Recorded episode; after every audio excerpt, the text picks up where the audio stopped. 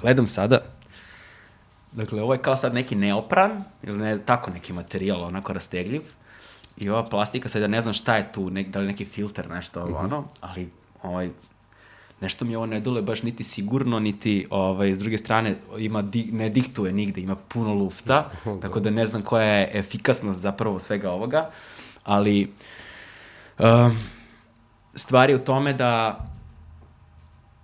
nisam nikada planirao da podcast koji radim se bavi ovaj, aktuelnostima, zato što mislim da toga zaista ima sasvim dovoljno svuda. Ali ovaj problem zagađenja je sad već postao toliko veliki da ne možemo da ga ignorišemo i utiče na ne samo našu svakodnevnicu, nego naše živote u svakom mogućem pogledu. I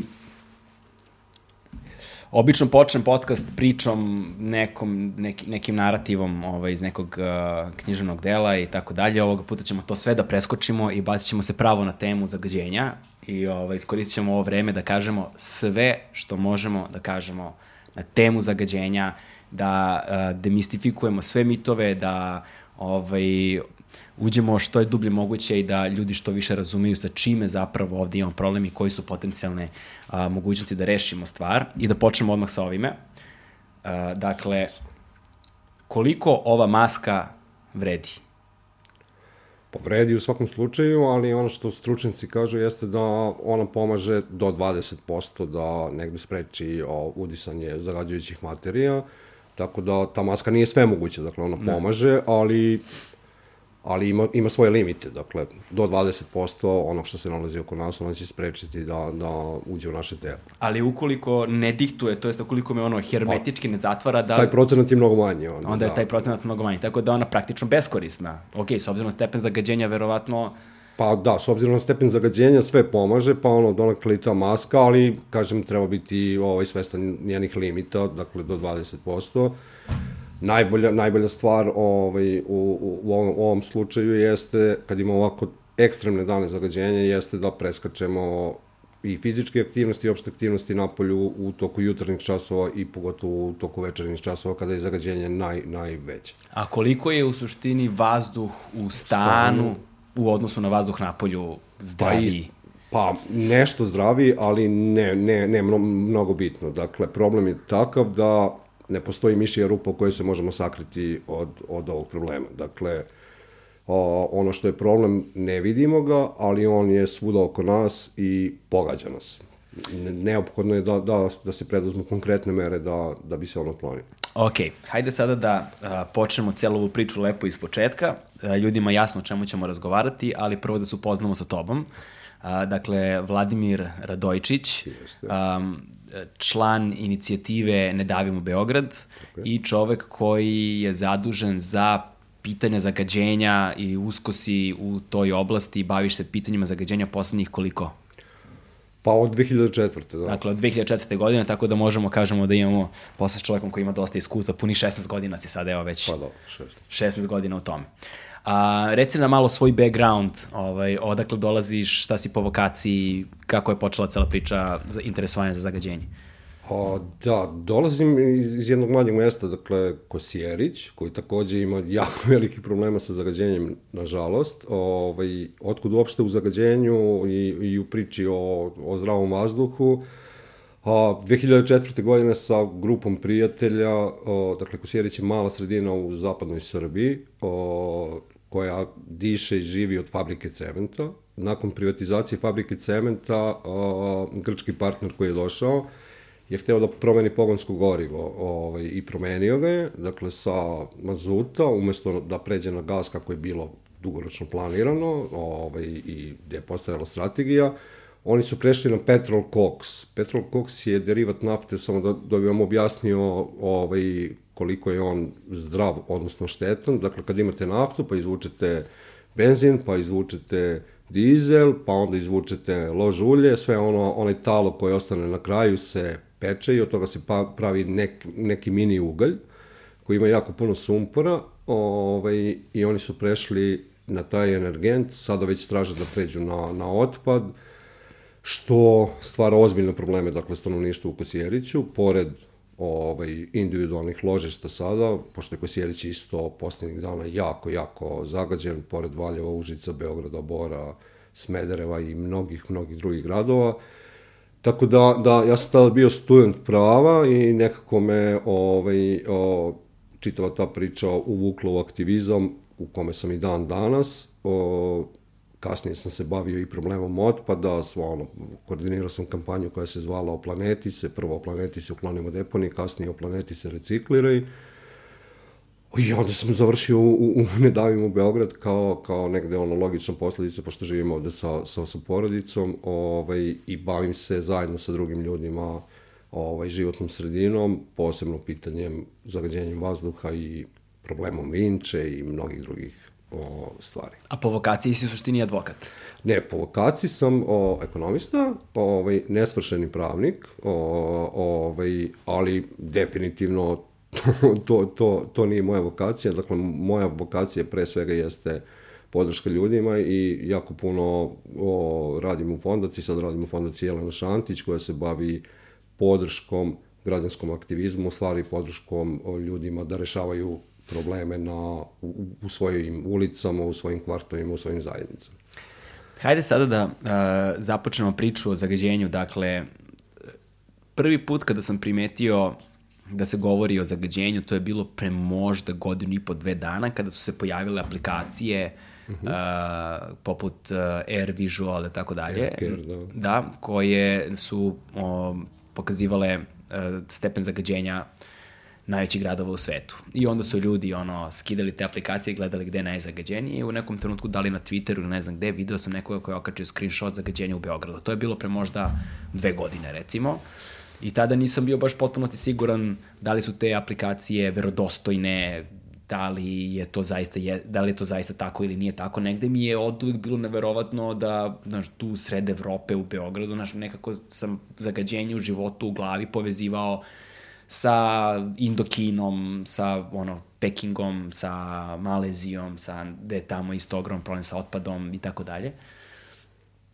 I bilo mi prilično neverovatno. Onda se ta komunikacija učestalila, postalo je polako viralno i evo poslednjih nekoliko meseci živimo stvarnost koju živimo da bi na kraju sve postalo izvanično priznato, ali u velikoj meri ublaživano od strane vlasti. Postavlja se pitanje, da li je ova zagađenost koja se dešava sada nova ili ona zapravo postoji dugo i od kada postoji? O, ajmo ovako, samo, samo prvo, dakle, postoji ogroman mit o tome kako te aplikacije funkcionišu, dakle, ko, ono, po, po kom sistemu rade i pogotovo vlast se jako trudila da negde umanji značaj tih podataka koji se pojavljuju ovaj, o, na raznim aplikacijama. Ja sad ne bih ono, doticao toga, pošto ovo nije takmičenje, dakle, da li je Peking zagađeni ili Jasno. ne znam, Beograd ili je Sarajevo, ovaj, a, on, on, ono što moramo znati jeste da a, sistem merenja koji postoji, dakle sve aplikacije funkcionišu tako što preuzimaju zvanične državne podatke, dakle ono podatke zvaničnih mernih stanica, koje radi Agencija za zaštitu životne sredine, koje je pod ingerencijom Ministarstva za zaštitu životne sredine. Dakle, ne postoje paralelna merenja, imaju sad ono, neki projekti, neke aktivnosti gde, gde se rade ovaj, građanska merenja, ali ti pouzdani podaci zvanične merne stanice, dakle te aplikacije preuzimaju podatke sa zvaničnih mernih stanica. I ono što smo prošle godine živeli, ovaj, jeste da kad su se pojavljivali ti podaci, odgovor vlasti je bio takav da ti podaci nisu tačni, da oni razvijaju svoje aplikacije, da o, imali smo izjave direktora Agencije za zaštitu životne sredine koji je objašnjavao da ti podaci nisu ti podaci, iako vi onom prostim uvidom kad odete na sajt agencije možete steći utisak u stvari da su to zvanični podaci. To je s jedne strane što se tiče... Sajt agencije. Koje... Agencije za zaštitu životne sredine. Znači, o, kako, kako glasi njihov sajt? O, mislim da je sepa.org.rs ili tako nešto. I kada se ode na taj sajt mogu da se vide zvanični podaci? Da, da mogu da se vide zvanični podaci. Koji su u skladu u, sa onime što aplikacije pokazuju? Pa da, mislim, te, te, te ovaj, o, aplikacije preuzimaju njihove podatke. Dakle, to on, okay. nemaju oni sad svoje merne stanice, pa će u odnosu na, na, na to raditi. Dakle, jedan nivo mita jeste da te aplikacije preuzimaju neke druge podatke, to nije tačno, dakle preuzimaju zvanične podatke. Drugi nivo mita od koga smo čuli juče, ja mislim, od predsednika Vučića, jeste da pojedine zemlje a, postavljaju merne stanice planski na mesta gde nema zagađenja. Pa je naveo primer Hrvatske, pa onda kao to nije uporedivo.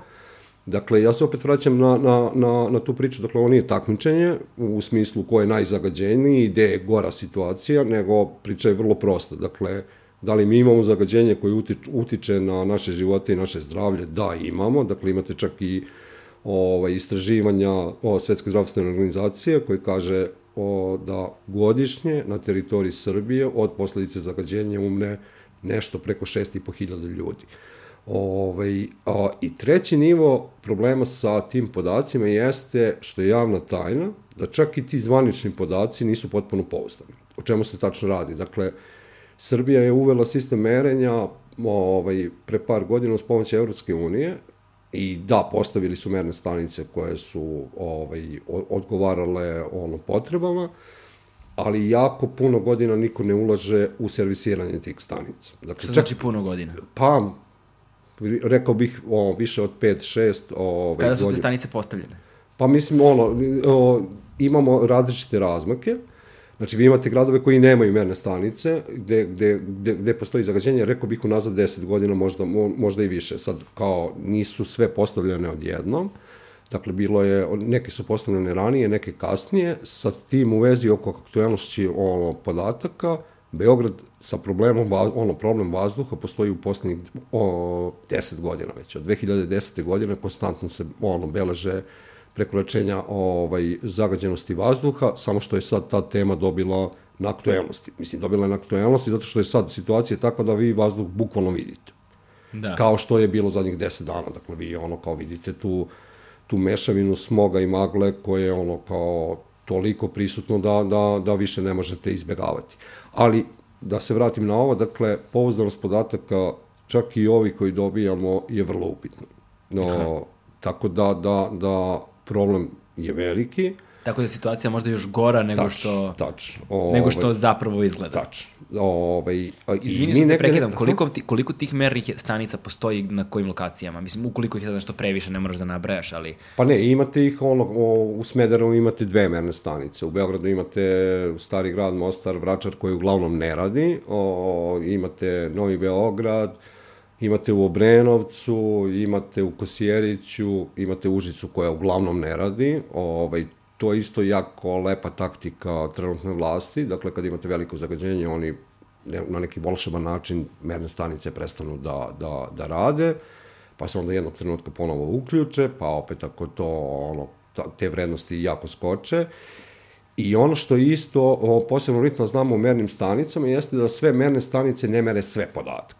O, dakle, vi imate, ono, vidjet ćete pogotovo i preko aplikacije ili ukoliko izađete na, na sajt Agencije za zaštitu životne sredine, tačno koje vrednosti o, mere. Neke mere PM 2,5, uglavnom jako mali broj stanica, PM 10, ono, neke mere, neke različite podatke, ovaj, i nisu baš uporedive u, u, u, u, u tom smislu, ali kažem, vrlo je upitna pouzdanost tih mernih stanica, Dakle, mi smo stigli do, do, do trenutka da nam čak i merne stanice ne trebaju, pošto kažem, došli smo do trenutka da bukvalno vazduh vidi.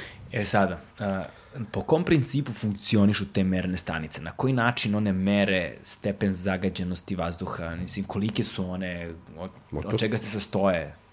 Pa ne, te merne stanice su mali uređaji koji ono, Aha, ja skupljaju mislim... čestice, ono, koji skupljaju čestice, na satnom nivou, dakle i mere on, on, ovaj, o, te čestice koje, koje nastanu, dakle, ovaj, i onda na, na osnovu toga imate podatke. Vi ćete vidjeti da, da ne možete vidjeti te podatke u, u real time-u, dakle u, u realnom vremenu, nego se sačeka sat, dva o, nakon, dakle možete sada vidjeti podatke, na primjer, za dva sata pre nego što je ovaj trenutak. Da. Dakle, one, one, one to mere, dakle, nije to sad neka tehnologija, ne znam kako, dakle, vi imate ljude koji, ja sam upoznao ljude u Beogradu koji imaju u kućnoj radinosti izrađene merne stanice. Jel one mogu da se nabave, da se poruče, da svako Mo, ima svoju? Da, e. možete imati na internetu, s tim što treba voditi računa, dakle, o, ove merne stanice koje su zvanične koštaju jako puno, o, vi možete imati mernu stanicu, dakle, od, od priručnih ne dajemo u Beograd, na primjer, ima priručnu mernu stanicu koja vam pokaže o, o, ovaj, sada kol, koliki je stepen zagađenja u, u ovoj sobi ili u ovom Kako prostoru. se zovu te priručne? Za sve one koje zanima možda da poruče koliko koštaju i kako se pa, zovu? Pa imate od 20 evra, mislim ja sad ne bih ono pričao, imate različitih proizvođača, dakle da ne, ne bih re, reklamirao, ali na netu možete poručiti od 20 evra pa na više, što više sredstava imate, dakle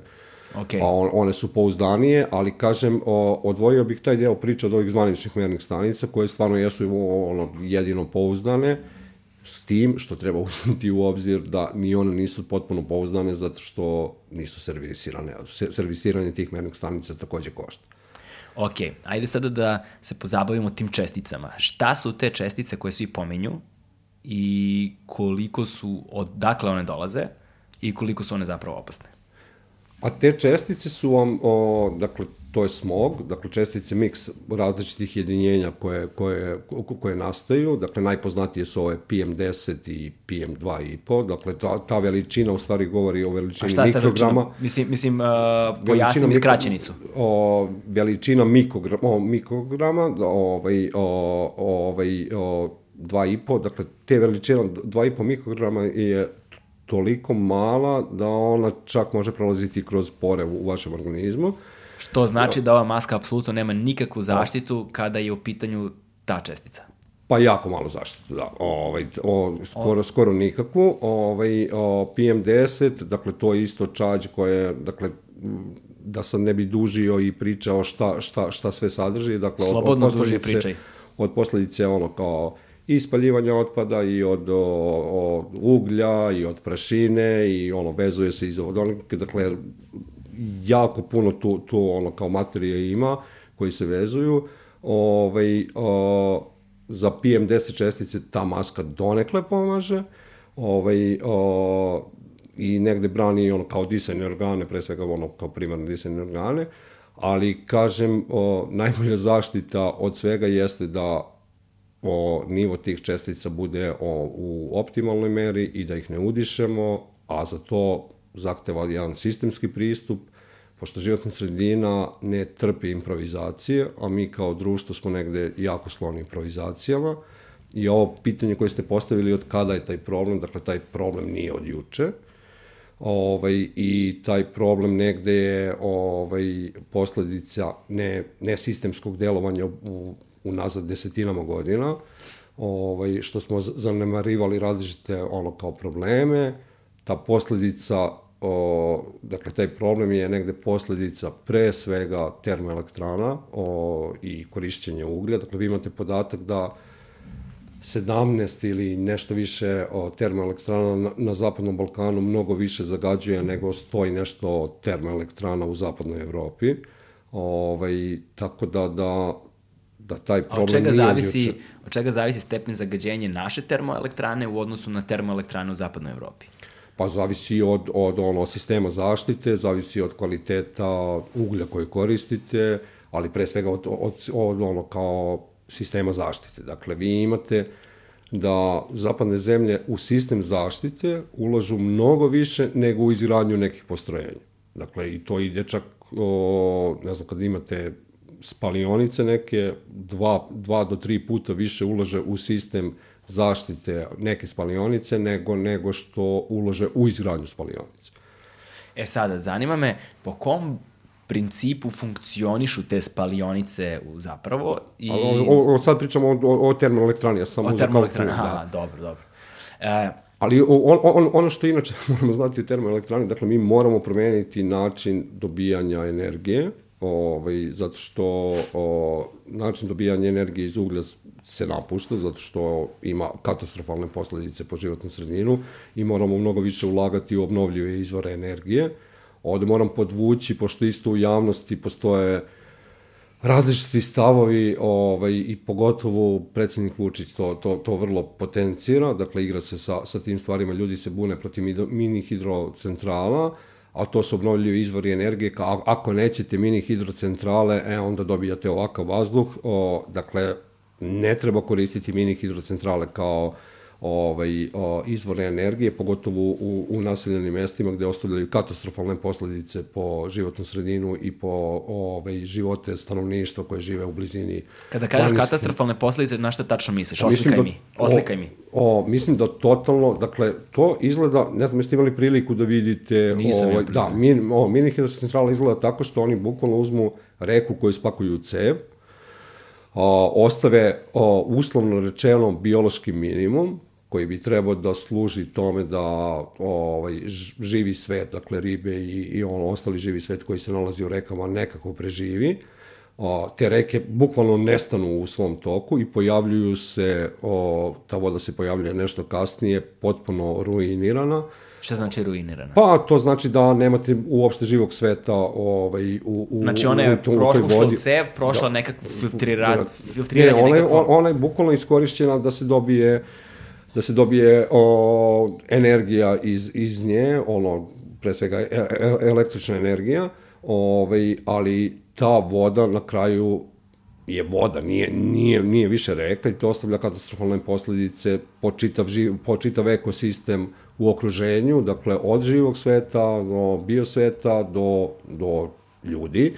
O, tako da, da mini hidrocentrale uopšte nisu prihvatljiv model pogotovo o, ovaj model koji je kod, kod nas plasiran, gde totalno upadate ljudima, dakle, uzimate im reke, uzimate im vodu koju koriste za, za, za pojilo za, za životinje, koji donekle koriste i za navodnjavanje, dakle, vi totalno čitav jedan ekosistem na jednom području devastirate da biste dobili neke zanemarljive količine energije i to predstavljate kao obnovljivi izvor energije. To je šta, to... bi, šta bi onda bili adekvatni obnovljivi izvori energije koji bi mogli da zamene termoelektrane koje nam izazivaju ovoliko zagađenje? Pa vi možete graditi ono, o, hidroelektrane koje su, dakle, ovaj, većeg obima, možete raditi vetroparkove, možete koristiti sunčevu energiju, možete koristiti jako, jako puno drugih stvari koje se koristi, mislim, u drugim zemljama ovo sveta, zahteva ulaganja ali kažem, a, mi smo negde skloni isto da, da računamo stvari na nivo o, koliko nas trenutno košta. A kod životne sredine, pogotovo kod, kod zagađenja, a, jako je bitno izračunati koliko vas nešto trenutno košta, a koliko vas koštaju posledice tog delanja. A, kad bi izračunali koliko košta zdravstveni sistem posledice aerozagađenja, mislim da bi se prenerazili. Dakle, ne znam ni ja sad ta, ono tačno koliko košta, ali ozbiljne zemlje vrlo kalkulišu sa tim stvarima. Dakle, gledaju i prihodnu i rashodnu stranu svog, svog budžeta ovaj, i mislim da na kraju veće ulaganja u, o, koje, koje podrazumevaju veću zaštitu životne sredine nam se dugoročno više isplati i po život, a i ono kao novčano, tako da su još jedan mit da, da ono što je jeftinije i brže a, je bolje, nije. Dakle, imamo samo jedan život i negde je jako bitno da... da... Ajde da se vratimo sad na te termoelektrane. Dakle, kom procentu su termoelektrane te koje u Srbiji i ovde u regionu, koliko sam razumeo, vrlo je slična situacija sa Makedonijom i sa Bosnom, ovaj, izazivaju problem.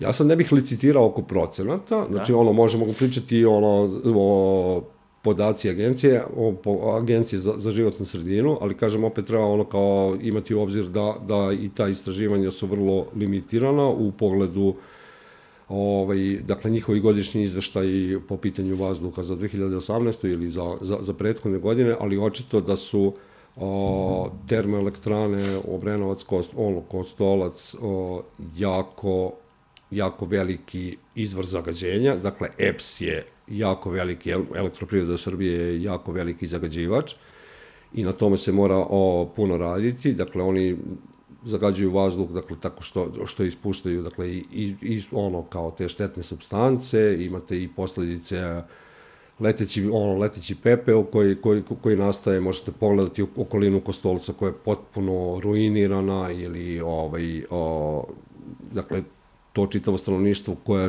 koje živi blizu termoelektrane. Ali hajde mi objasni na koji način uh, elektrodistribucija, odnosno elektroprivreda, Oni lože ugalj. Dakle, dakle, da, samo mi objasnim princip Klasično. da, ra- da razumijem, pošto ja ga ne znam, Dobro, a verujem da dakle, mnogi slušalci takođe da, ne znaju. Da, termoelektrane funkcionišu na način što vi ovaj, a, koristite neku energiju, u ovom slučaju ovaj, koristite energiju uglja da biste dobili električnu energiju. Dakle, ložite Toplotnu. ovu, da, ko, ko, koristite toplotnu energiju da biste dobili električnu energiju. I to su enormne količine uglja koje, koje se lože.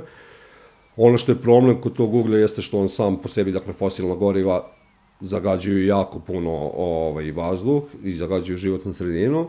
Ono što je ovde poseban problem jeste što kvalitet našeg uglja trenutno je prilično upitan i koristite jako velike količine da biste dobili da biste, mislim, oni imaju manju energetsku vrednost, pa onda koristite jako velike količine da biste dobili električnu energiju.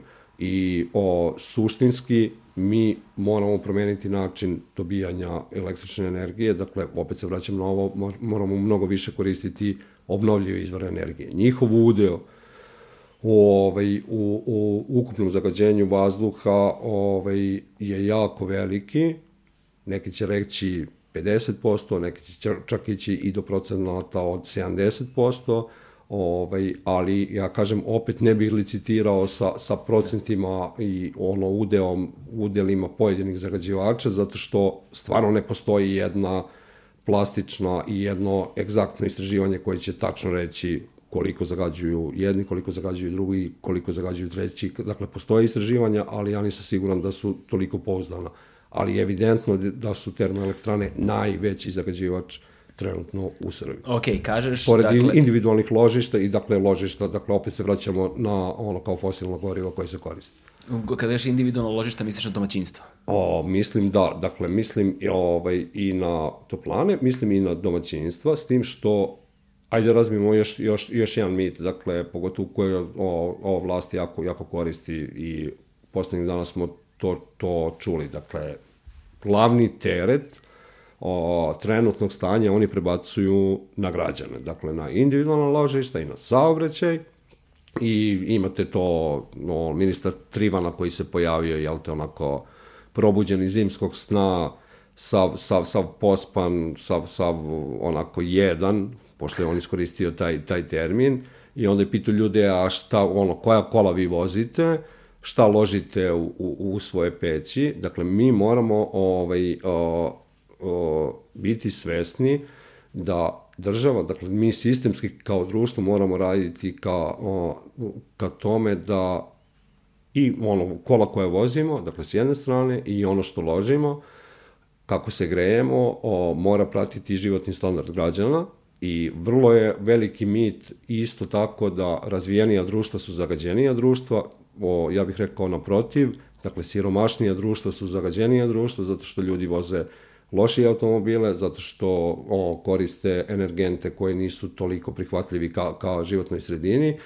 Ovaj, a, I sa treće strane, ja stvarno ne znam, dakle da mi živimo 2020. godine i da imate ovaj, ljude koji se isključuju sa sistema toplana i ne znam, u centru Beograda, dakle u Sarajevskoj ja imam ono, o, dvoje komšija koji koriste ugalj, dakle ono kao, kao gorivo u centru Beograda, ovaj, ali da mi kao društvo nemamo odgovor, dakle da, da ponudimo model koji je ekonomski isplativ o, i pojedincima, a koji će biti ekološki održiv, o, to je neverovatno. Dakle, mi ne možemo prebaciti odgovornost na, na, na građane, zato što država pre svega najveći zagađivač jeste EPS, dakle jesu te a, termoelektrane, a i sa druge strane mi ne možemo reći ljudi ono ne možete ložiti to i to. Dakle, ljudi lože ono za što imaju para.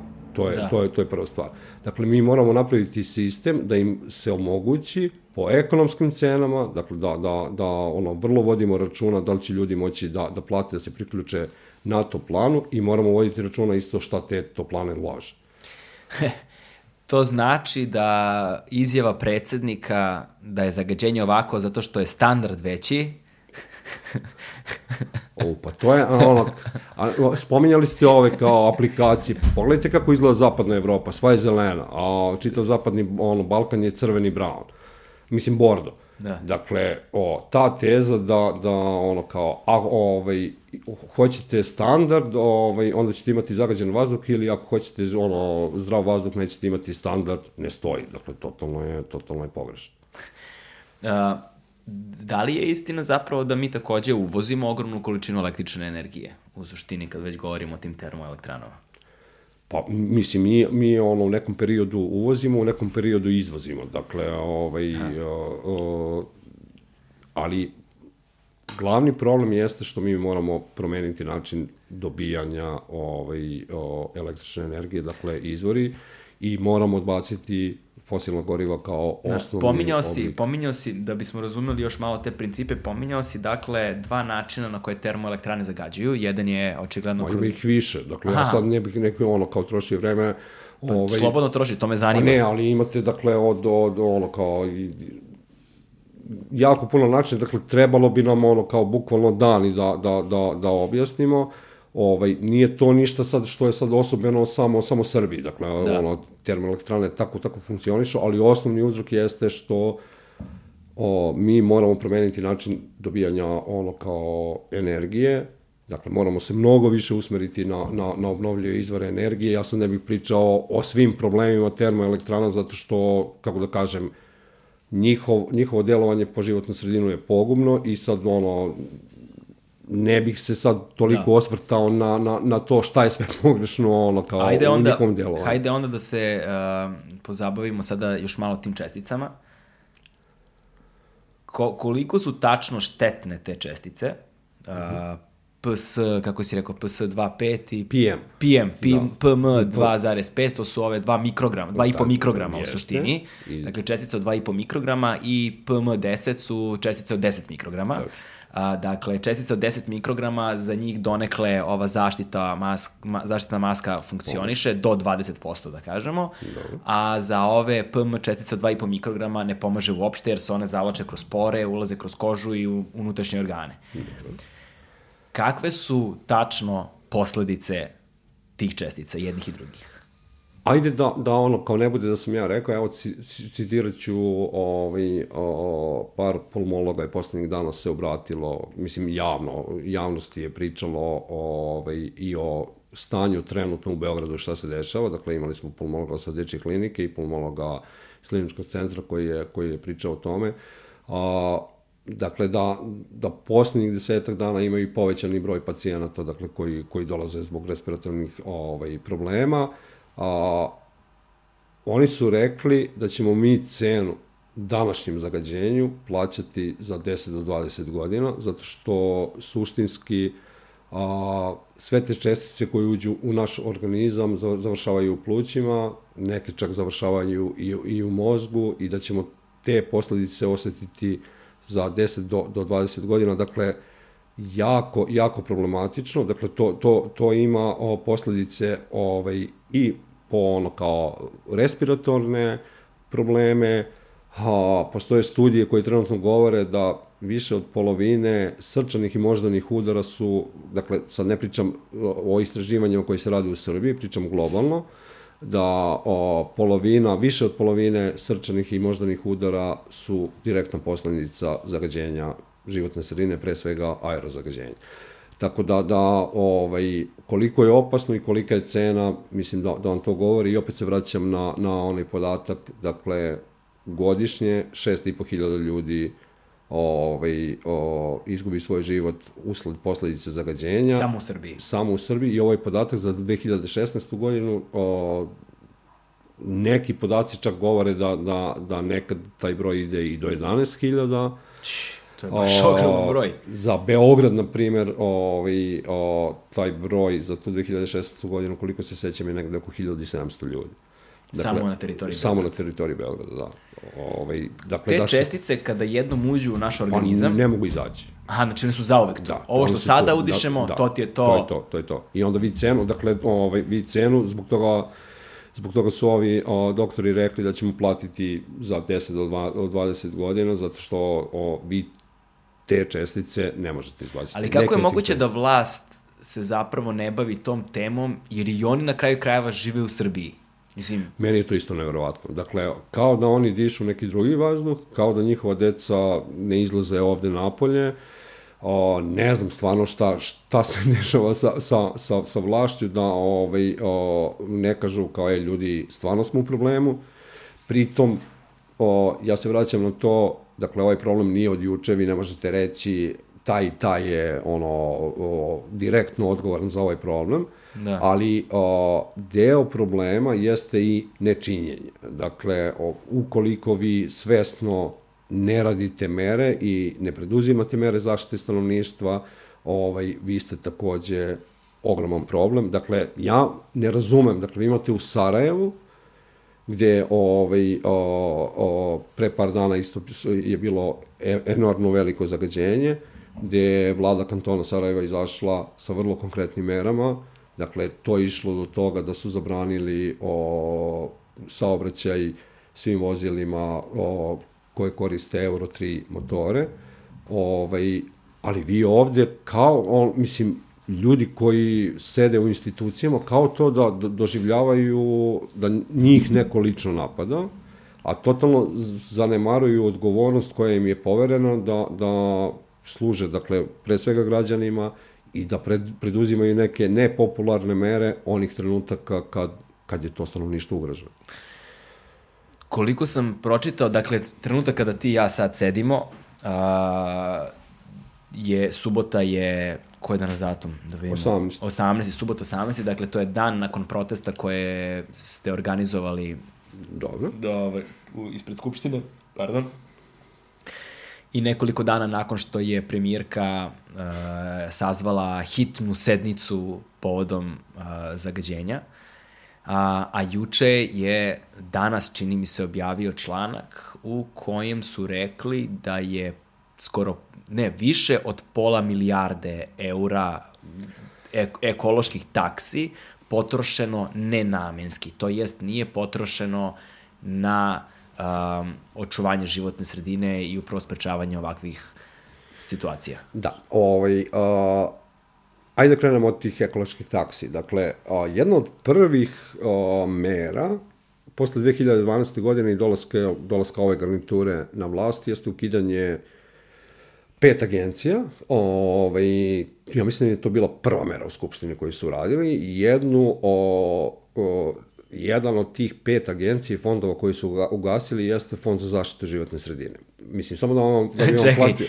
ugasili su fond za zaštitu životne Da, sredine. da, ugasili su fond za zaštitu životne sredine koji je imao problem, o, ako se sećate, o, Oliver Dulić, u stvari resorni ministar, je tada bio i predsednik upravnog odbora fonda i oni su vrlo ispolitizovali tu priču, mislim, možemo sad ući u to koliko je taj, taj fond ono kao delotvorno radio ili ne, ali samo da, da mi vam objasnim šta je taj fond značio. Dakle, svaka zemlja Istočne Evrope koja je bila u procesu priključenja Evropskoj uniji ili je u procesu priključenja i dalje Evropskoj uniji, je imala fond za zaštitu životne sredine. Taj fond je osmišljen na način da sve ekološke takse koje plaćate, ona koji se odnosi na republički nivo, završavaju u tom fondu koji se koristi da bi o, mi dosegli standarde ovaj, o, koji su trenutno važeći u zemljama Evropske unije.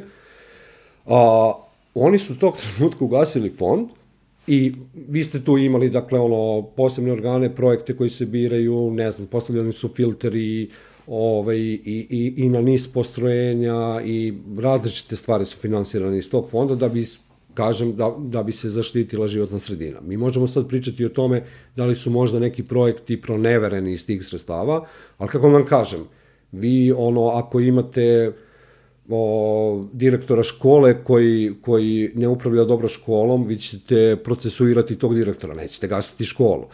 Ovaj, oni su 2012. ugasili fond, ali nisu ukinuli ni jednu od ekoloških taksi koje, koje je, ovaj, o, iz koje se taj fond punio.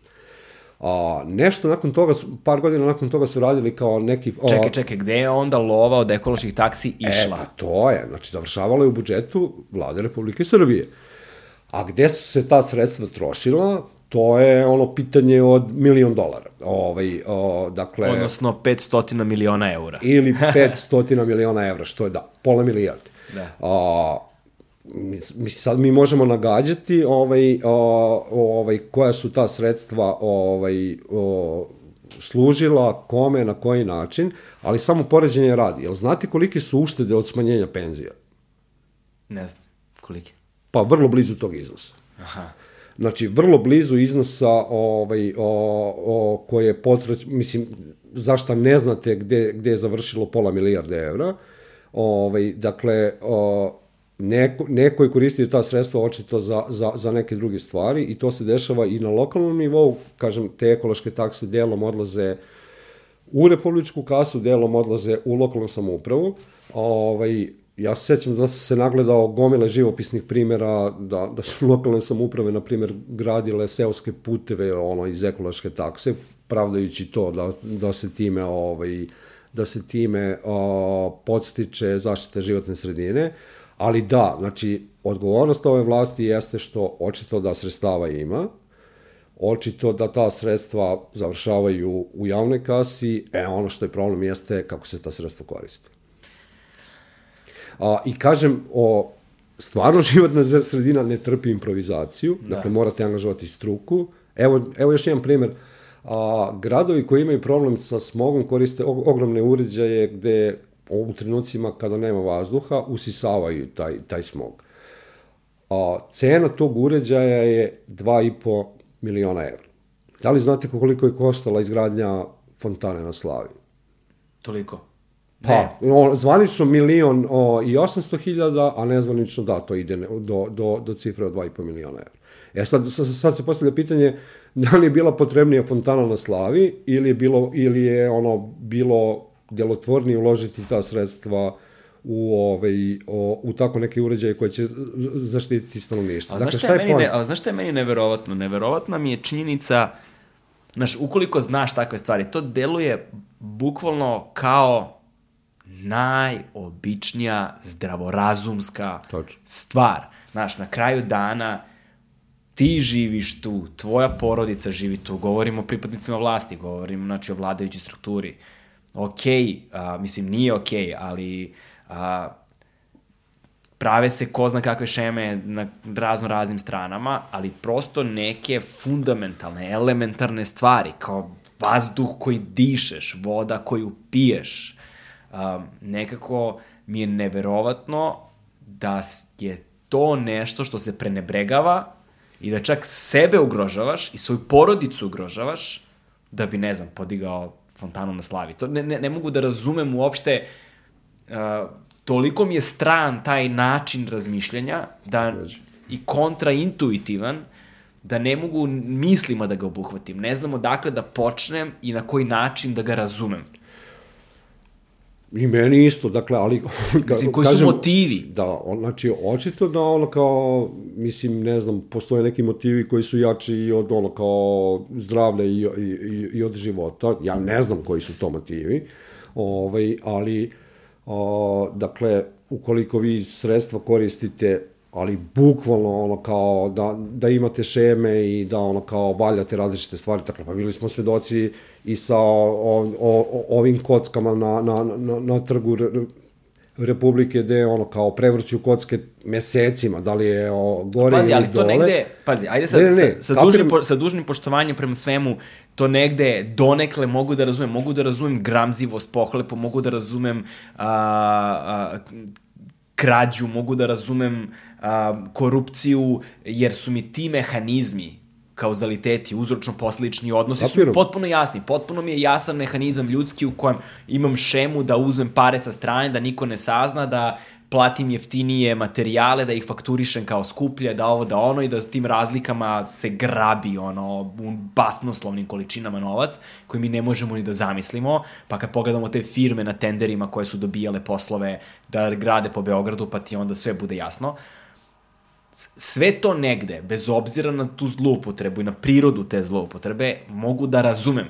Znači, mogu ono, kao logična, elementarna postavka, mogu da razumem ljudski, ljudska gramzivost je nešto što mogu da, ono, da obuhvati mislima. Ali, ovo je nešto što ne mogu. Ovo je nešto što mi je pro, toliko strano, kao da nisi ljudsko biće sa ove planete, znaš, kao, Ne ne, znam. ne, znam, kao da ne dišeš vazduh. Upravo tako. Ne znamo, ali o, očito da je ono poklepa i gramzivost su možda... Toliko o- velike. Da, da, toliko veliki ono, pošasti da su možda jače i od, i od života. Pa ne, mi smo juče imali ono o, gostovanje predsednika Vučića koji priča o tome o, o filterima, dakle, za prečišćavanje vazduha, kojih nema nigde. Kaže, eto, baš sam sinoć pričao sa Željkom Mitrovićem, kao, naravno da niste kupili, zato što je Željko Mitrović pokupao sve filtere za prečišćavanje vazduha koji trenutno ima u Beogradu. Jel, jel kapirate vi nivo ludila? Ovaj, o, prvo što ti filteri su jako skupi, ovaj, o, pritom i neki drugi ljudi imaju živote, neki drugi ljudi imaju decu, žele ovim situacijama da, da, da, da ono kao to koriste, ali ovaj, dakle, taj čitav mentalni sklop, gde ćete vi ruinirati sve, nećete koristiti naše zajedničke pare da štitite javni interes, u stvari da štitite građane, a onog trenutka kad ste u problemu, vi sredstva do kojih ste došli, Bog te pitaj kako, koristite da sve što vas tog trenutka može zaštititi uzmete samo za sebe. Ja mislim da, da ono, meni je nepojmiv taj ono kao mentalni sklop i da imate toliku pohlepu, jer vi ono kao urušavanjem sve što je korupcija. Dakle, ov- ov- ovdje je samo problem, kako da kažem, ogoljen.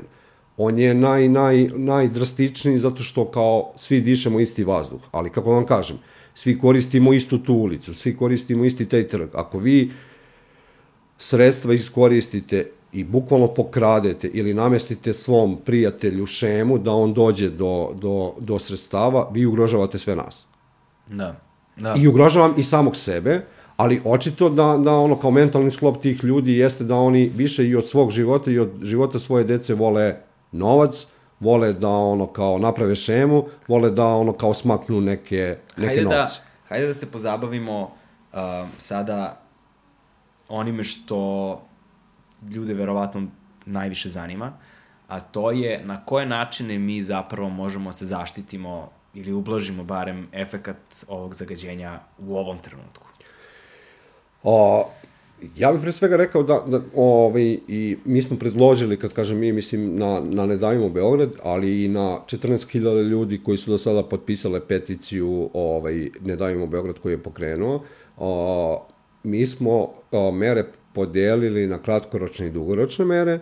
Kratkoročne mere jesu one mere koje možete preduzeti ovog trenutka i nećete o, trajno rešiti problem zagađenja, ali ćete zaštititi stanovništvo. Dakle, pre svega nama je neophodno da imamo pouzdane podatke. Dakle, da znamo da u čemu trenutno živimo. S druge strane su nam neophodni saveti i o, u smislu da li je povoljno da deca izlaze napolje, nije povoljno, da li starije, starije osobe isto tako mogu da, da izlaze napolje, a u ovim danima zagađenja naj, najbolje je izbegavati o, izlazak napolje, ali naravno ne možete, mislim, ono, kao morate ići na posao, morate ići negde, ono, kao van, a, ali ako već morate, najbolje je da, da izbegavate jutarnje časove i o kasno večernje časove kada je zagađenje najveće. Znači, koji su to? Kad kažeš jutarnji, za Pa, me, jut, jutar je vrlo širok pojam. A, mislim na jutarnji špic, dakle negde od, ono, od, od 6 ujutru do, do, do 9, dakle tad je, tad je zagađenje izuzetno visoko. Znači da se teleportujem na posao. Pa, gotovo je nemoguće ono, to, to uraditi, ali, na primer, ja ne vidim ono kao šta je problem. Dakle, vi ste imali ono situaciju u Skoplju prethodnih godina u danima ekstremnog zagađenja, koji stvarno ono, o, ne traju sad beskonačno dugo. Niko ne kaže kad imate zagađenje, nego kad imate tako visoko zagađenje da je ono situacija jako opasna, o, vi imate situaciju da neki vrtići i neke škole u delovima grada gde, gde, gde, su, gde su zagađenja izuzetno visoka ne rade. Ali evo, baš u vezi sa time, juče sam slušao, uh, išao sam po dete u vrtić i slušao sam na radiju, uh, da li je to bio Radio Beograd, je bio to recimo prvi ili drugi program, ne mogu da se setim, bile su vesti, Dobro. ovaj, gde, su, gde su rekli da je nivo zagađenja takav da nije ništa strašno u prevodu i da škole će raditi normalno, nastava neće biti skraćena, da će sve predškolske i školske ustanove funkcionisati neometano, da nema nikakvog alarma ovaj, i da nema nikakve potrebe za um, tim drastičnim merama? ja kažem, o, ovaj, juče jeste bila nešto povoljnija situacija, ali danima pre toga je bilo jako nepovoljna situacija, ovaj, ali odgovornost ljudi o, koji zauzimaju javne funkcije jeste što vi jednog trenutka morate preduzeti i nepopularne mere da bi zaštitili stanovništvo, U ovim slučajima, dakle, posebno osetljiva priča kad, kad, kad pričamo o deci. Ja isto imam dvoje dece i vodim ih u vrtić, svestan da, da to nije, ovaj, da, da situacija nije dobra, ali kao moram, moram, moram ići na posao ili ukoliko vrtić radi, to radim. Trudim se da ih zaštitim što je, što, što, što je moguće više, A, ali ste isto imali, dakle, o, meni je to isto neverovatno, kao ova priča o fontani i, i, i o tom uređaju. A, vi ste imali da. situaciju da ova famozna o, radna grupa Ane Brnabić ili nakon tog sastanka je o, izađe informacija u javnost, ostavit ćemo direktorima škola i kao, ne znam, vrtića da procene da li, da li će doneti te mere ili ne. Onda sledećim danom vam izađe ministar prosvete i kaže čekajte ljudi, ono kao, pa ne može sad direktor škole da donese odluku da li će ono kao tog, tog dana ići u školu ili ne, ili, ili, ili ono kao vrtić. Dakle, to mora biti na nivou ministarstva prosvete. A, šta želim da, da, da, da, da kažem? Dakle, ova vlast se trudi vrlo o, da mešetari podacima, da stvara dodatnu konfuziju. Ako Sarajevo, ako Skoplje može da preduzme mere zaštite stanovništva, onog trenutka kada je zagađenje jako veliko i to nisu sad, nećete vi ono kao mesec dana neće raditi škole. Dakle, vi ćete zaštititi... Čekaj, a, jesu li Sarajevo i Skopje prekinuli rad škola?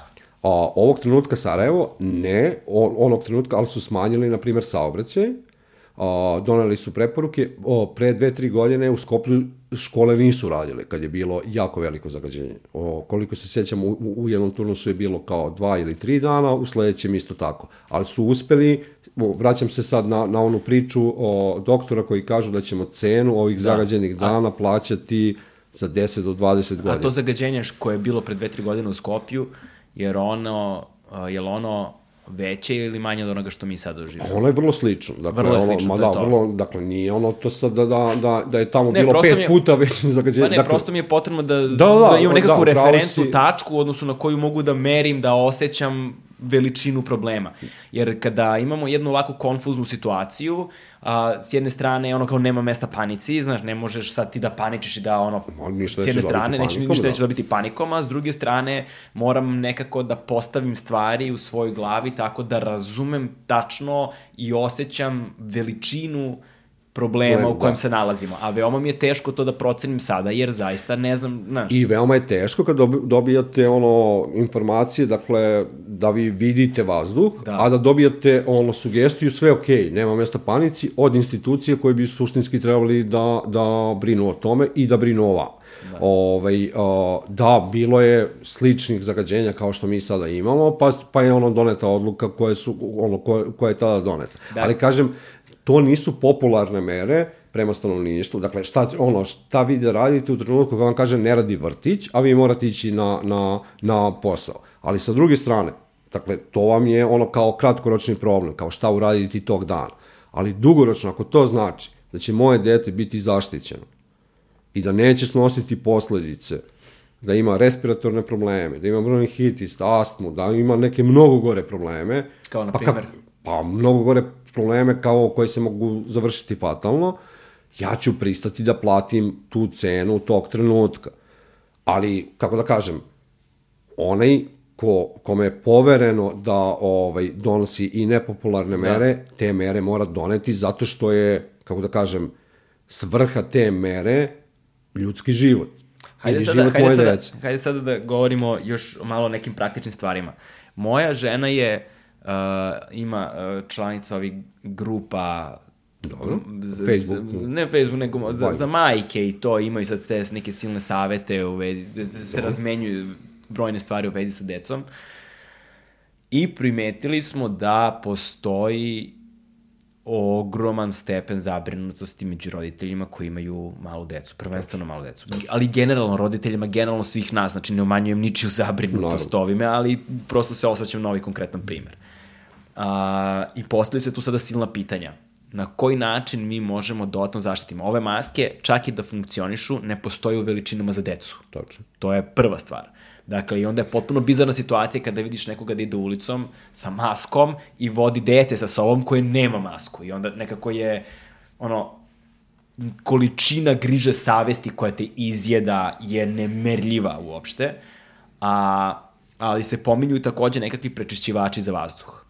Dakle, ukoliko smo demistifikovali ove, ove maske... Željko Mitrović, da. Da, da, ukoliko smo demistifikovali ovaj, ove maske i jasno nam je da su ona praktično neupotrebljive, da vidimo sada ti prečišćivači za vazduh. Pa oni funkcionišu i oni, mislim, vrlo jasno pokazuju, dakle, oni, oni isto imaju ovaj sistem za, za, za merenje na sebi. Ono što je problem kod prečišćivača vazduha jeste što, što puno koštaju. Koliko koštaju? Ja ne znam koliko koštaju pa ja sad ne bih licitirao, dakle, Aha. ali ono od par hiljada dinara pa na gore. Dakle, okay, u, u, uopšte nisu jeftini. Ali, ali samo za trenutak da se vratim. Dakle, mi se ovde, ono, o, mi smo negde skloni da non stop o, delujemo u, u, u, u kontekstu koji nam je suštinski namet. O, mislim, nametnut, da. u smislu, mi se sad svi nekako prilagođavamo da živimo posledicu nebrige o životnoj sredini. Umesto da kažemo, čekajte ljudi, ovo mora da, ovo mora da prestane. Dakle, Peking, koji ima jako ozbiljnih problema sa, sa zagađenjem vazduha, uspeo je da pre, za par godina prepolovi to, to, to zagađenje.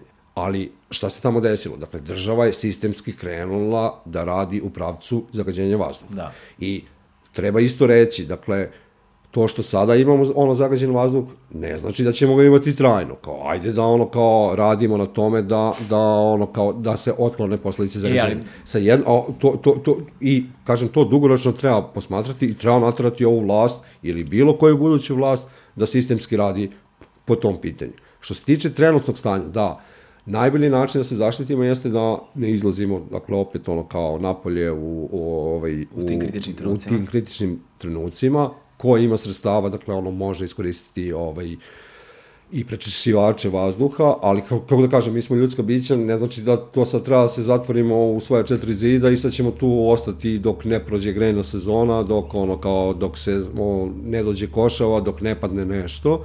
Ovaj, o, suštinski izlazit ćemo u svakom slučaju napolje, moramo imati ono kontakt ono, i, sa, i sa spoljnim svetom, ali ovaj, o, jako je bitno da tih dana kad je stvarno ekstremno zagađenje, te aktivnosti svedemo na minimum. E, sada... A, a samo je problem što vas niko ne obaveštava kada su, kada su ti dani. To je ono što je suština. Dakle, on, ono sistem kako sada trenutno ovde radi, vi ćete otići ili na aplikacije, ono kao postojeće, ili ćete pratiti preko sajta agencije, Znaš, kao postavlja se pitanje, a šta sa starim ljudima koji ne koriste internet? Kako će oni saznati za, za, za, za to? Šta je problem da vi uz ono metero podatke na RTS-u imate informaciju ko, šta se dešava sa vazduhom toga dana. Je to nešto ultra komplikovano? Pa ne znam, meni deluje kao da ukoliko se razotkrije u potpunosti i razgolici so, na taj način pa informacija, da će to onda od strane javnosti izazvati toliko veliki pritisak na vlast da će ona morati hitno i odmah da deluje, Tačno. što ovaj, iz nekog razloga njima ne odgovara. Sad, zašto ja stvarno ne mogu da prokljuvim ko Ali... šta je. Mislim, pominjali smo to već ono deset puta u ovom Tačno. razgovoru i dalje zaista mi nije u potpunosti jasno. E sada, a, da uđemo malo, a, video sam na Twitteru pre neki dan, nisam stručnjak u tim oblastima, pa ne mogu stvarno da moram ogradu odmah da stavim da sudim, a, ali da je jedan od razloga zašto su Kinezi uspeli da reše problem zagađenja jeste što su deo tih industrijskih poslova izmestili iz Kine. Super. E, i, ovaj, i da deo tih takozvanih investicija kineskih koje imamo ovde zapravo premeštanje Tačno. te industrije u Srbiju i da je to takođe jedan od razloga povećanog zagađenja koje imamo sada. Da li je to istina? Da, ovaj, o, mislim, ja sam nam, o, o, vi imate čak izjavu predsednika Vučića koji je o tome pričao, dakle, ovaj, da, to, pa, to, to, pre, pre, pre pa, par godina.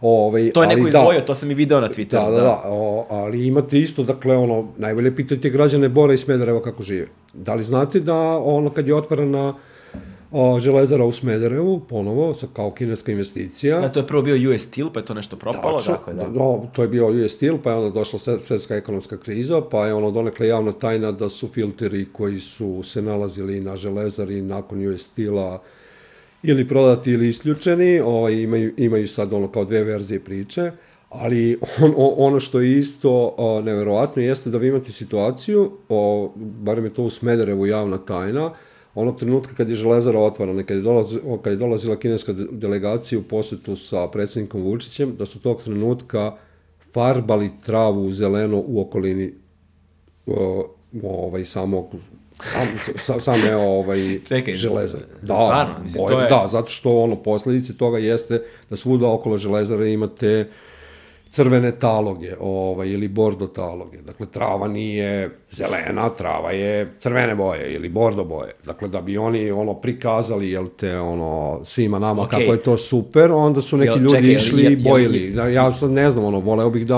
Ok, da, ono, ukoliko neko ko sluša ili gleda ovo ima nekakav dokaz o ovome što Vladimir upravo govori, ja bih volao to da vidim.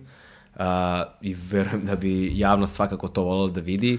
Neke fotografije, linkovi ka nekakvim videima, ukoliko neko ima, to bi stvarno bilo korisno Ali, vidjeti. da, ja sam bio u Smederevu, sad ću vam reći nešto pre nove godine. Isto su ovde bilo jako veliko zagađenje u Beogradu. Išao sam kod, kod ovaj, o, nekih aktivista da im, da im ovaj, o, pomognem kako da pripreme aktivnosti upravo o, oko zagađenja vazduha. Ljudi, tamo nije mogla se diše, dakle, ali bukvalno nije mogla da se diše i ako ovde osjećate u vazduhu garež i osjećate, ne znam, ono, neko, neke posledice spaljivanja, u Smederevu se, ono, to, to je, osjeća se neki hemijski sastav, kao nešto, kao, kao kad osetite aceton.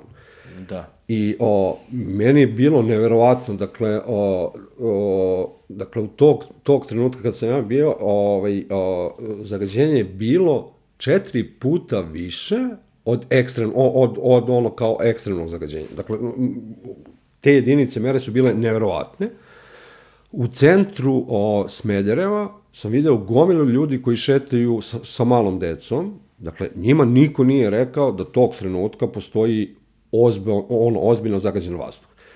A, I sad se vraćamo na, na ovo, dotakli smo se donekle priče ono kao termoelektrana, dakle, ok, postoje individualno ložišta, ali stvarno ozbiljan problem jeste što ovde niko ne kontroliše industrijske zagađivače. Pa između ostalog i Kineze, ali nisu Kinezi jedini, imate fabrike cementa i u Beočinu, imate fabriku cementa u Kosjeriću, imate fabriku cementa u Paraćinu, ovaj, šta se dešava sa, sa ono kao industrijskim ono zagađivačima, da li oni ono ugrađuju filtere, a, ili plaćaju penale zato što, što, što ne ugrade filtere, pa se ta sredstva kad se nakupe do tih pola milijarde evra troše na ono kao različite načine, pošto u, u našem pravnom sistemu imate to, to načelo zagađivač plaća. Dakle, ako ja koristim delatnost koja zagađuje životnu da. sredinu i oglušim se o obavezu da to dovedem na neke razumne granice, meni država propiše neke penale koje ja plaćam. Ono što je problem kod tog sistema jeste što tu su svi našli svoj interes, sem građana. Dakle, lokalna samouprava njima je u interesu da sa ta železara plati neku taksu, zato što oni koriste ta sredstva za ko zna šta, znači dolaze do, do nekih dodatnih izvora. Na republičkom nivou to je isto ono kao dobijate dodatna sredstva u kasi, tom zagađivaču više odgovara da plati neku taksu na godišnjem nivou, ne znamo ono kao u kom iznosu, nego da ugradi neke filtere koji koštaju milione ili više des, desetina miliona evra, ovaj, a suštinski cenu plaćaju građani koji, jel te, nemaju zelenu travu, nego ovaj, o, Farbano imaju, zelenu. Da, imaju farbanu zelenu travu. Ali najbizarnije od svega toga je što ne plaćaju samo građani tu cenu, nego i te osobe koje prave te skandalozne dilove. Oni isto plaćaju cenu. Pa isto. Oni isto ugrožavaju zdravlje sebe i svojih porodica. Ja se sećam, um,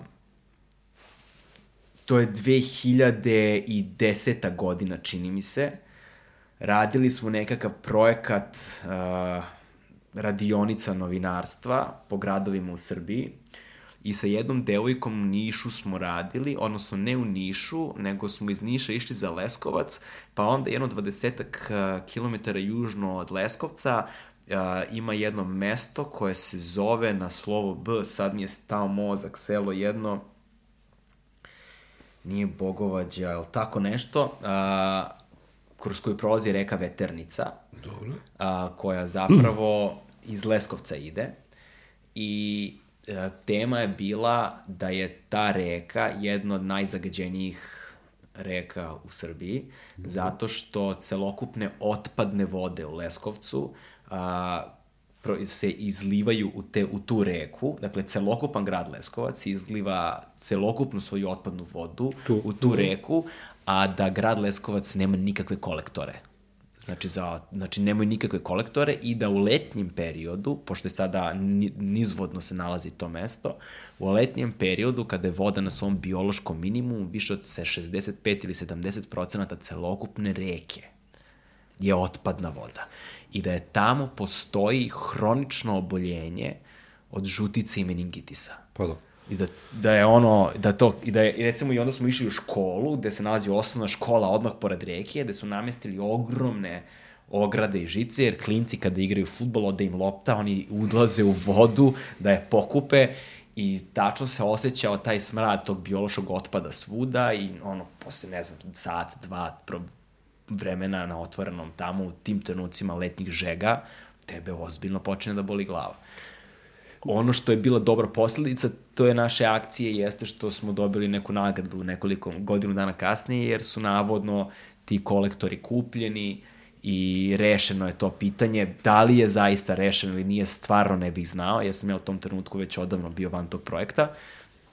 Samo sam dobio nekakvu povratnu informaciju, ali takve i mnoge druge stvari očigledno je da postoje na mnogim nivoima Da, da. našeg društva. Pa ne, inače ono kao kolektore za otpadne vode, znači vi nemate ni na te, teritoriji Beograda. Dakle, ja mislim da, da, da su Čavić i Šapanja radili ono, čo, o, o, jednu epizodu Marka Žvake, upravo ono, onoj rečici, ovaj, Iza Ade tamo negde. da. Jeste, koja su u livadu, o, o, gore kreće sa Topčidera, ovaj, pa su pecali onu ribu u govnaru koju je e, Racković spremao. Ovaj, Jo, ali inače... Da, jeste, to je prema deseta godina Jeste, jeste, bilo. jeste, da, jeste. da, da, da, da. Jer A- tamo bukvalno, ono, govna, mislim, Jeste, jeste, se i izlivaju ulivaju u- direktno u, da, Da, da, da, da, da, da, da, i onda tamo tamo pecali, evo, jeste užas. Oh, Ali inače, da, to je inače, ovaj, o, o, širom Srbije imate, imate ono kao te probleme i onda se pitamo zašto nam je ovako, ali meni isto bilo fascinantno, 2010. godine sam bio devet,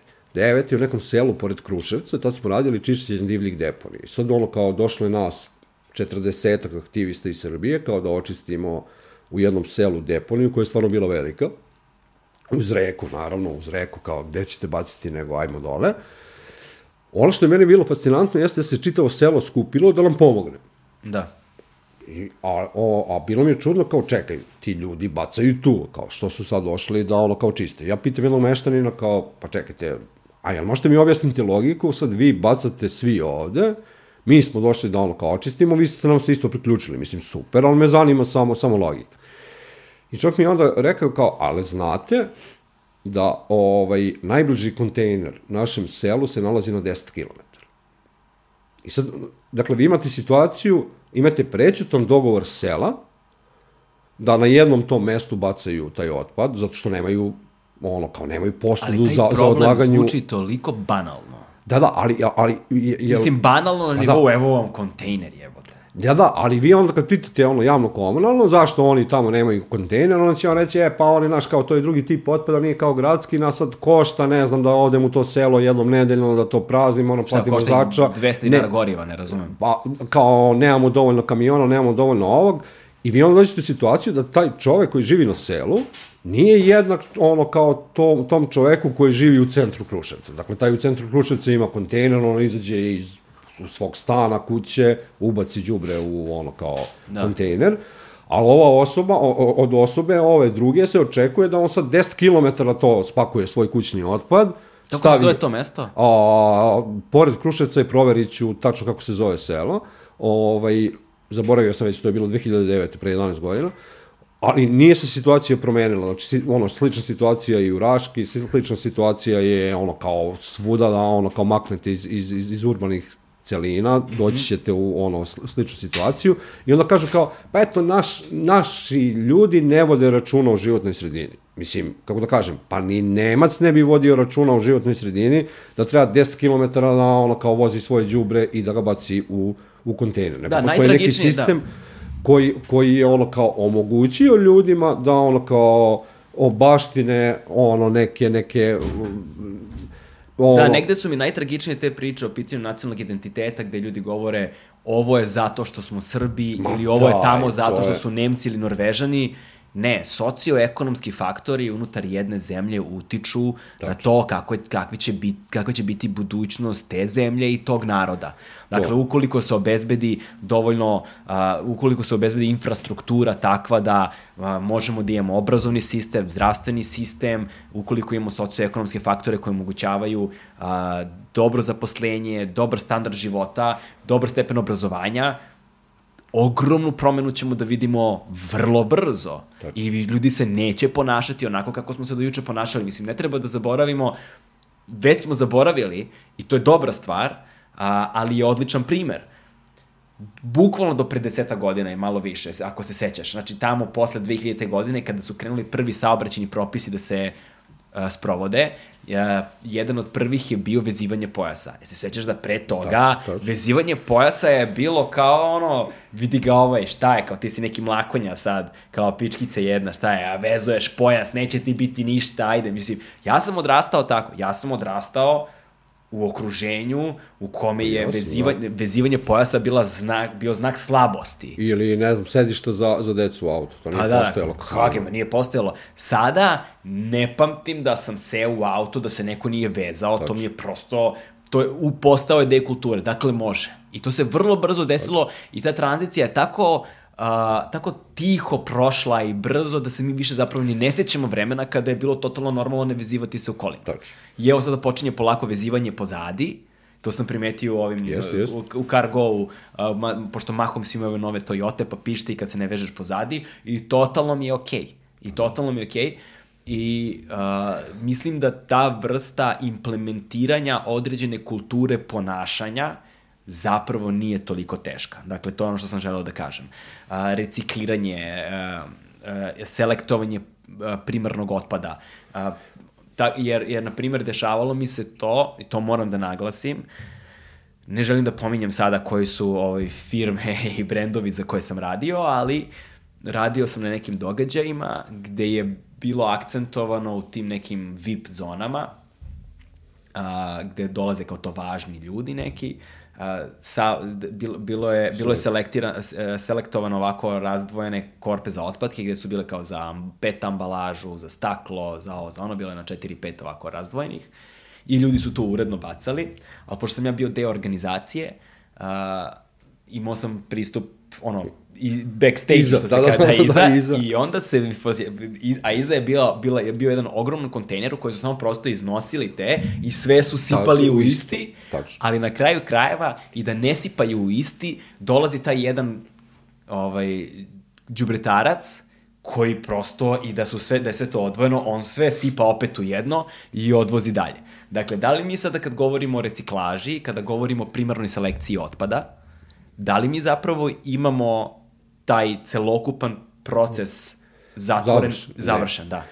Ja, pa, mislim, ono, slično iskustvo i moje, dakle, ovaj, sa kampanjom o planeti se recikliraj, dakle, ovaj, u Beogradu ste jednog trenutka, ali ne samo u Beogradu, nego širom Srbije ste imali neke kontejnere za, za prikupljanje otpada, sad negde je plastika, negde papir, negde staklo, Mislim, po. Beogradu ih sada ima svuda Da, ima ih svuda. I mi smo čak o, ono odradili ono kao tu mapu recimo, reciklaže. Dakle, da ono, ono možete izaći na sajt, da, da vidite negde u vašem kraju gde vam je najbliži kontejner za nešto.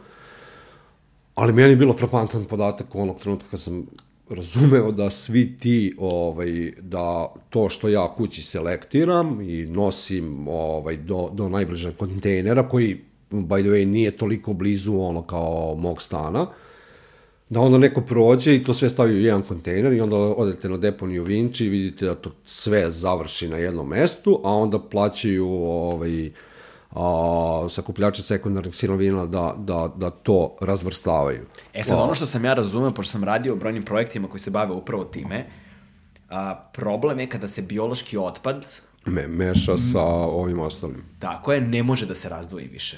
Ne može, da. Ne može da se razdvoji više, a takođe postoji razlika između vrste plastike, Tačno. jer ne može da se reciklira sva plastika zajedno. Ne, vi možete- hemijska struktura je prosto drugačija. Tačno. I vi ako reciklirate, ovaj, dakle, vi od plastike dobijete ajde da kažem ovako banalno, čvršći proizvod prvi put, sledeći put kad je reciklirate dobit ćete proizvod koji je ono koji ima manja svojstva i možete reciklirati na primjer 7 puta, ali svaki put ćete, ono, ne možete od plastične flaše ponovo dobiti plastičnu flašu. Da. Dakle, onog trenutka dobijete flašu, ono sledeći put vi možete reciklirati i dobit ćete najlon, ovaj, Da, ili, da, da. ili, ili ono kao sledeći Da, put znači ona kesu. gubi na Tačno, vrednosti gubi na upotrebnoj vrednosti, tačno. Je, to, to isto znam da je jedina stvar koju možemo u nedogled da recikliramo da uopšte ne gubi na vrednosti je aluminijum. Tačno. Dakle, aluminijum se 100% reciklira i može bezbroj puta, nebrojeno mnogo puta se reciklira, on uvek ima isto svojstvo. Da, mi smo, mi smo ono kao za aluminijum, o, pošto smo tada ono približavali deci isto kao o, zašto je bitno reciklirati, pošto su deca inače jako dobri učitelji, a ne samo učenici,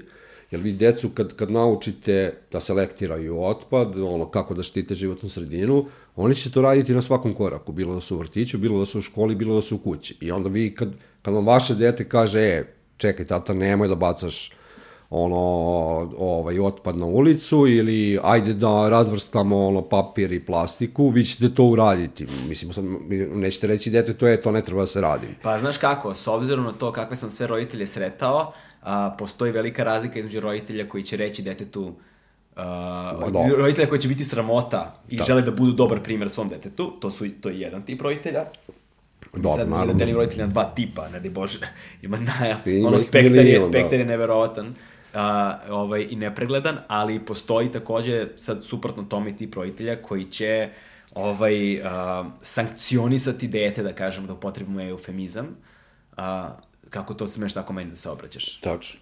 Ovaj, a, ali da se vratimo na, na, na ovaj otpad, dakle, a, on, on, ono što je stvarno veliki problem o, jeste što mi o, jednog trenutka smo išli u tom pravcu kao reciklaže, razvrstavanje otpada, dakle čak postoji i EU, EU direktive koje vam govore od toga, veliki je problem bio otpada u smislu kad ga miksate sa, sa, sa ostalim vrstama otpada, čak onaj smrad koji osjećamo u stvari pre svega dolazi od tog bio otpada. Ovaj, o, absurd situacije jeste što vi od te vrste otpada možete praviti ovaj, kompost, dakle najkvalitetnije đubrivo koje, koje može se koristi, a Beograd, obodi Beograda su poljoprivredni deo, dakle čitava Srbija je i dalje poljoprivredna zemlja, dakle nevjerovatno da, da, da mi to sve pakujemo u isti koš i ne koristimo te, te potencijale. Mislim, otpad je substanca, ono, u svakom slučaju i, i ovaj... O, Otpad je kapital, ljudi tačno, to ne razume. otpad je, ono, otpad nije đubre, otpad je sirovina. Tako, ovaj, koja vredi mnogo novca, Tačno. a mnoge zemlje kupuju i uvoze otpad. Tačno, ali mi ćemo sada, evo sad ono, ako se ono, držimo Beograda, znači mi ćemo to sve sad da, da odbacimo i, ovaj, izgradit ćemo spalionicu otpada koji će nam dodatno zapržiti čorbu sa ovim aerozagađenjem koje imamo. Da, dakle, pre aerozagađenja Vinča je bila velika tema. Tačno, i, posebno i, i dalje među- je tema. Mislim, ono, i one su povezane teme. Hajde sada mi, sa, ajde, ajde mi sada pomeni samo i za one koji znaju, koji su možda zaboravili, osvrni se na problem Vinče, pošto je to isto prilično veliki problem, Da, ono, mislim, 40 godina. 40 godina. Da, ja mislim da, da, pa sad možda i više od 40 godina. Dakle, ono što je problem kod Vinče, o, pre svega istorijski problem, jeste deponija u Vinči, koja je, kako da kažem, nije urađena po bilo kakvim st- standardima, mi to zovemo deponija, to je suštinski smetlište ono, otpada, gde vi preko 40 godina ovaj sav svoj otpad iz Beograda o, u- stvari iz više opština beogradskih postoji par opština koje koje ovaj ne odvoze otpad u, u Vinču na deponiji Koje su to? lagerujete Koje- koje- koje pa ne to su ove bočne opštine koje ono kao o, o, koje su pristupile nekim drugim o, sistemima. Imate 14 opština koje koriste, ali i ove će sad biti usisane, tako da uopšte nije potrebno da sad ono kao Da i- ih da, razdvajamo. da, da ih delimo, dakle i te te tri će se ovaj priključiti ovo, ovom sistemu. Dakle, Koliko je veliki otpad, o, smetlište u Vinči? Znači, o, godišnje tamo završi še, ono, minimum 600.000 tona otpada. I sad, 600.000 da. tona otpada godišnje završi Da, čak, čak ono, ne, o, na dnevnom nivou to ide, ono, procene idu negde 2700 tona, ovaj, o, tako da su to ogromne količine, ne, ja sam bio na deponiji, znači, vi nemate utisak da, da ste na deponiji nego na brdu, koji se nalazi bukvalno uz, uz reku Dunav, a, a u stvari taj to brdo koje je visoko preko 40 metara ovaj, je u stvari deponija. To je jedan nivo problema koji tamo završava i dakle vi sav taj otpad ste izmiksali sa zemljom, ono od, od kišnica različitih stvari imate problem što, što zagađuje tlo, što zagađuje i reku dalje. Sa druge strane, a, taj otpad o, rađa deponijski gas, metan, koji se isto može ono koristiti. Oni požari koji se dešavaju su pre svega posledica sagorevanja otpada, pa onda osetite i na Mirjevu, osetite i u centru Beograda taj, taj, taj smrad. A, to je ovo kada smo imali letos i jest. ove godine taj smrad koji su se ljudi žalili Paljevino. da izađeš napolje i da sve smrdi užasno, da je to, to je e, zapravo plan sa vinčom. I, da, to je jedan nivo problema, a posebno nivo problema jeste što u tom spaljivanju tog komunalnog otpada, a, se oslobađaju substance koji su dioksini i furani, mm -hmm. koji su direktno kancerogene materije. Da. I ono što je još dodatni nivo problema jeste što o, u Beogradu, ali ne samo u Beogradu, nego u Srbiji ne postoji laboratorija koja može izmeriti te substance. Znači, mi ne, nemamo uređaj koji, koji mogu meriti njihovo prisustvo. Dakle, mi ne znamo šta je to tačno što nas truje, koje, koje količine, koji je koncentrat toga što nas, tačno. što nas truje i na kraju posledično ne znamo kakve su posledice toga Da. Ove, Znamo da su katastrofalne, ali šta tačno ne znamo. Ove, e, a sad vi onda imate ovu gradsku vlast koja je rekla, pa dobro, ok, imamo taj problem, ajde problem da rešimo tako što ćemo izraditi spalionicu otpada. Znači, umesto da ga lagerujemo tamo negde... Šta znači da ga lagerujemo? Pa ono da to punimo tu deponiju da. ovaj, i da zagađujemo, mi ćemo sad taj otpad spaljivati, dobijat ćemo ovaj, električnu energiju opet i dobijat ćemo toplotnu energiju. Ali šta je problem sa tom spalionicom otpada? Problem je to o, u tome što ćete vi sve te količine otpada spaliti, to je prva stvar, nećete reciklirati, nećete dobijati ono, taj aluminijum ponovo kako... Da. Plastiku dalje tačno, ili komposte kao od, ovaj, od ali, biološkog džubriva. Tačno, nego ćete to sve spaljivati, zagađivat ćete dodatno vazduh, znači ono kao vazduh će biti ono kao zagađen, pogotovo uz ove dioksine i furane i pogotovo uz gomile drugih substanci koje će se tu oslobađati, a već imamo problem sa aerozagađenjem. Treći nivo problema jeste što to sve puno košta. Ovaj, Ajde u naše love, jel to? Ali, evo, sad, sad ćemo plastično objasniti. Dakle, grad Beograd je sa tim francusko-japanskim konzorcijom potpisao ugovor gde im bukvalno na 30 godina, 25 plus 5 godina ovaj, a, ih angažuje da spaljuje otpad, oni će izraditi to postrojenje, a grad Beograd će na godišnjem nivou samo za spaljivanje otpada plaćati oko 39 nešto više od 38 miliona evra, dakle 39 miliona evra, koje će ići ili iz gradskog budžeta ili preko takse koje će plaćati građani. Dakle, nova taksa, bilo je u septembru priča oko toga, pa je Vesić pričao neće to biti, da, bit će. To je samo za spaljivanje otpada. A onda će taj, o, taj konzorcijum iz toga dobijati električnu energiju i toplotnu, koji će prodavati istom tom gradu Beogradu, po dva i po puta većoj ceni nego što je na međunarodnom tržištu. A, dakle, ovaj segment Čekaj, samo... Ti podaci, ti podaci su transparentni, ljudi mogu da ih ti provere. Ti podaci stoje u ugovoru koji je potpisan. Taj, ja, taj ugovor, ugovor može nikad se vidi. nije objavljen. Aha, taj, znači, odakle vama ti, te informacije? Nama, na, nama su dali odbornici u Skupštini grada, u prošlom sazivu, kada je taj ugovor dolazio na, na, ovaj, na, na glasanje, dakle to je bilo 2017. godine. Ovaj, smo došli, je potpisan ugovor u septembru mesecu, mi smo došli u posle tog ugovora tipa 3-4 dana pre nego, to, nego što je potpisan i tad smo imali gomilu akcije, ako se sećate ispred, on, kad kažem mi, mislim na Ne davimo Beograd, ispred gradske skupštine da sprečimo to potpisivanje tog jako štetnog ugovora, dakle koji će imati posledice po zdravlje stanovništva, koji će imati katastrofalne posledice po financije, pošto ćemo narednih 30 godina samo za spaljivanje otpada platiti milijardu i 100 miliona evra da ne ulazim sad u ovo kako ćemo plaćati za ovo ostalo. I treći nivo problema jeste što nas to suštinski sprečava na, ono, na putu ka Evropskoj uniji. Dakle, pošto Evropska unija kaže ovaj, ima neke EU direktive, te EU direktive treba posmatrati kao neke zakonske propise, gde vam kaže da vi određene količine otpada do 2020. godine o, ovaj, o, do 2030. godine 65% komunalnog otpada morate reciklirati, do o 2020. neke je bilo 50%,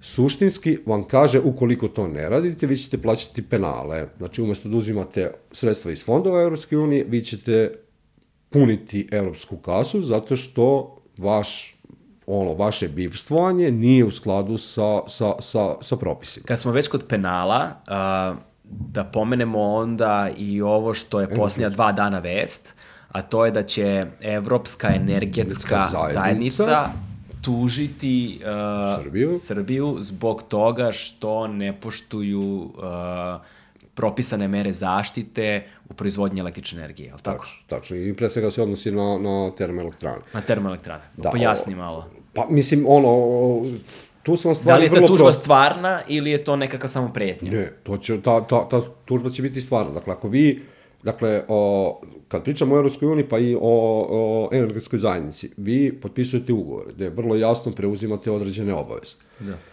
Jer, opet se vraćam na to, životna sredina nije stvar ono kao da, da, da vi to možete raditi ne, ne, ne sistemski ili kao izigraću ja nekog. Dakle, to su vrlo jasni propisi i vrlo jasne referentne vrednosti, zato što vi vazduh koji, koji se ovde nalazi, on jednog trenutka kad dune košava, on odlazi negde drugde.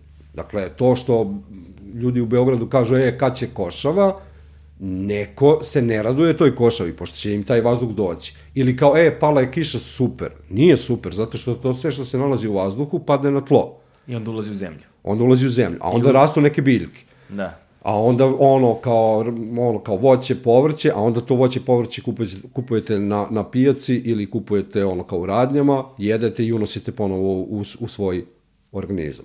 Dakle, to što se tiče Evropske zajednice i ovo čemu pričamo za, za, za, za Vinču, jesu jako bitne stvari zato što dugoročno će ostaviti jako velike posledice po pitanje prvo životne sredine, po pitanje financija i treće, ono, mi smo imali situaciju da se nadavimo Beograd po pitanju Vinče žalio uh, ovaj, o, različitim bankama, pošto ti investitori, kako se ovde predstavljaju, da. će uložiti 330 miliona evra, sve će biti super. To je zapravo taj takozvani CSR, društveno odgovorno poslovanje tačno, velikih kompanija. Tačno, i, ovaj, a suštinski oni nemaju taj živ keš, nego onda idu, traže kredite i ja bi se ovde isto vratio ono što si spomenuo za Kinu. Da ne rade samo kinezi afirm, ono, afirmaciju izba, izbacivanja svojih prljavih tehnologija s, ovaj, to rade i zemlje zapadne Evrope. Dakle, neko dobija sredstva u svojoj zemlji da ode u neku drugu zemlju da ono kao e, da. da koristi ono postrojenja koje koje ono kao zagađuju ali je bitno da to ne radi više na teritoriji, ne znam, zapadne Evrope, na primjer, ili u ovom slučaju Francuske, nego to može raditi u Srbiji koja je sad trenutno treći e sad, tržište. To je, da, to je sad taj veliki problem. A, globalno mislim da je najveći problem tu Malezija, je tako? Kina je zapravo bila ta koja je vozila krenu, ogroman otpad. Tako. Iz celo, ceo svet, sve yes, zapadne razvijene yes. zemlje su svoj otpad s kojim nisu znali šta će Amerika, ovi oni, vup, izvozili u Kinu. Tačno, pogotovo Evropa, da. Pogotovo Evropa. E, i onda je Kina rekla, e, znate šta, dosta je Sad bilo, ne može, i sada se taj otpad, sav svetski otpad, pr prvo mesto na koje se izvozi je Malezija, koliko znamo, tako beš, u Maleziji, sad, sad oni imaju ogroman problem sa zagađenjem pa da. tamo. Ali, ali kažem, ajde, ajde, ajde A jel, jel mi... Srbija takođe služi kao taka neki, ne, tako neki mi, poligon? Ne, mi nemamo sad ono oko, oko, ovaj, oko otpada, ali ono čemu moramo voditi računa jesu te tehnologije koje se, koje se dešavaju ovde. Dakle, a, ovde kad vam koriste primere za spalionice, oni će vam reći, ovaj, a, pa eto u Beču postoji u centru grada spalionica otpada koja izgleda kao bolnica. Ali vam niko neće reći da je izgradnja spali, da je zaštita spalionice u Beču ono, o, koštala tri puta više nego izgradnja te spalionice. Dakle, ako uzmemo o, da poredimo ono, planiranu beogradsku spalionicu otpada i Bečku, Da. Prvo, prvo što nisu iste, ono, kao tehnologija, ovde ono kao full spalionica, nema nikakvih, ono, pripremnih radnji, sve što urade, oni će gurnuti i ispalivati. Dakle, u peći sve, ispaljuju i. Tačno, tačno. A, a, a, a u, u, ta bečka je ono malo drugačije u smislu da, da, da ne spaljuju baš sve i da ono koriste to gorivo RDF gorivo, to je u stvari otpad koji je sušen, pa je povećana njegova energetska efikasnost, sad, sad vas ne davim. Ali u svakom slučaju Bečka, zaštita Bečke spalionice, ukoliko je koštala 330 miliona evra, njena zaštita, filter i sve ostalo je koštalo skoro milijard.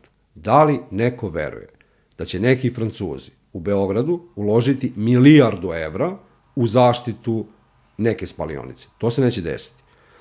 Imamo primere Zagreba koji je odustao od spalionice otpada, baš zbog problema sa Evropskom unijom, baš zbog problema što ne možete kontrolisati šta će se tu sve dešavati. Imamo primjer Ljubljane koja je odustala od dve spalionice otpada i koja je rekla, čekajte ljudi, ajde da usvojimo koncept koji se zove zero waste ili nula otpada, gde sve iz otpada možete iskoristiti, jako male količine onog što ostane, dakle, pošto postoje neki principi upravljanja otpadom i kod nas i svuda u svetu to je neka obrnuta piramida koja kaže, u stvari piramida otpada, koja kaže prvo ćemo raditi prevenciju nastanka otpada, pa ako on nastane, radit ćemo njegovu ponovnu upotrebu. Dakle, ukoliko ja odbacim neku igračku koju moje dete ne koristi, zašto ja to ne bi odneo u, ono kao u neki prostor gde će ljudi to malo preraditi ili ustupiti drugome ili ponovo prodati, pa će, ono, kao to neće biti otpad, nego, nego će biti i dalje igračka.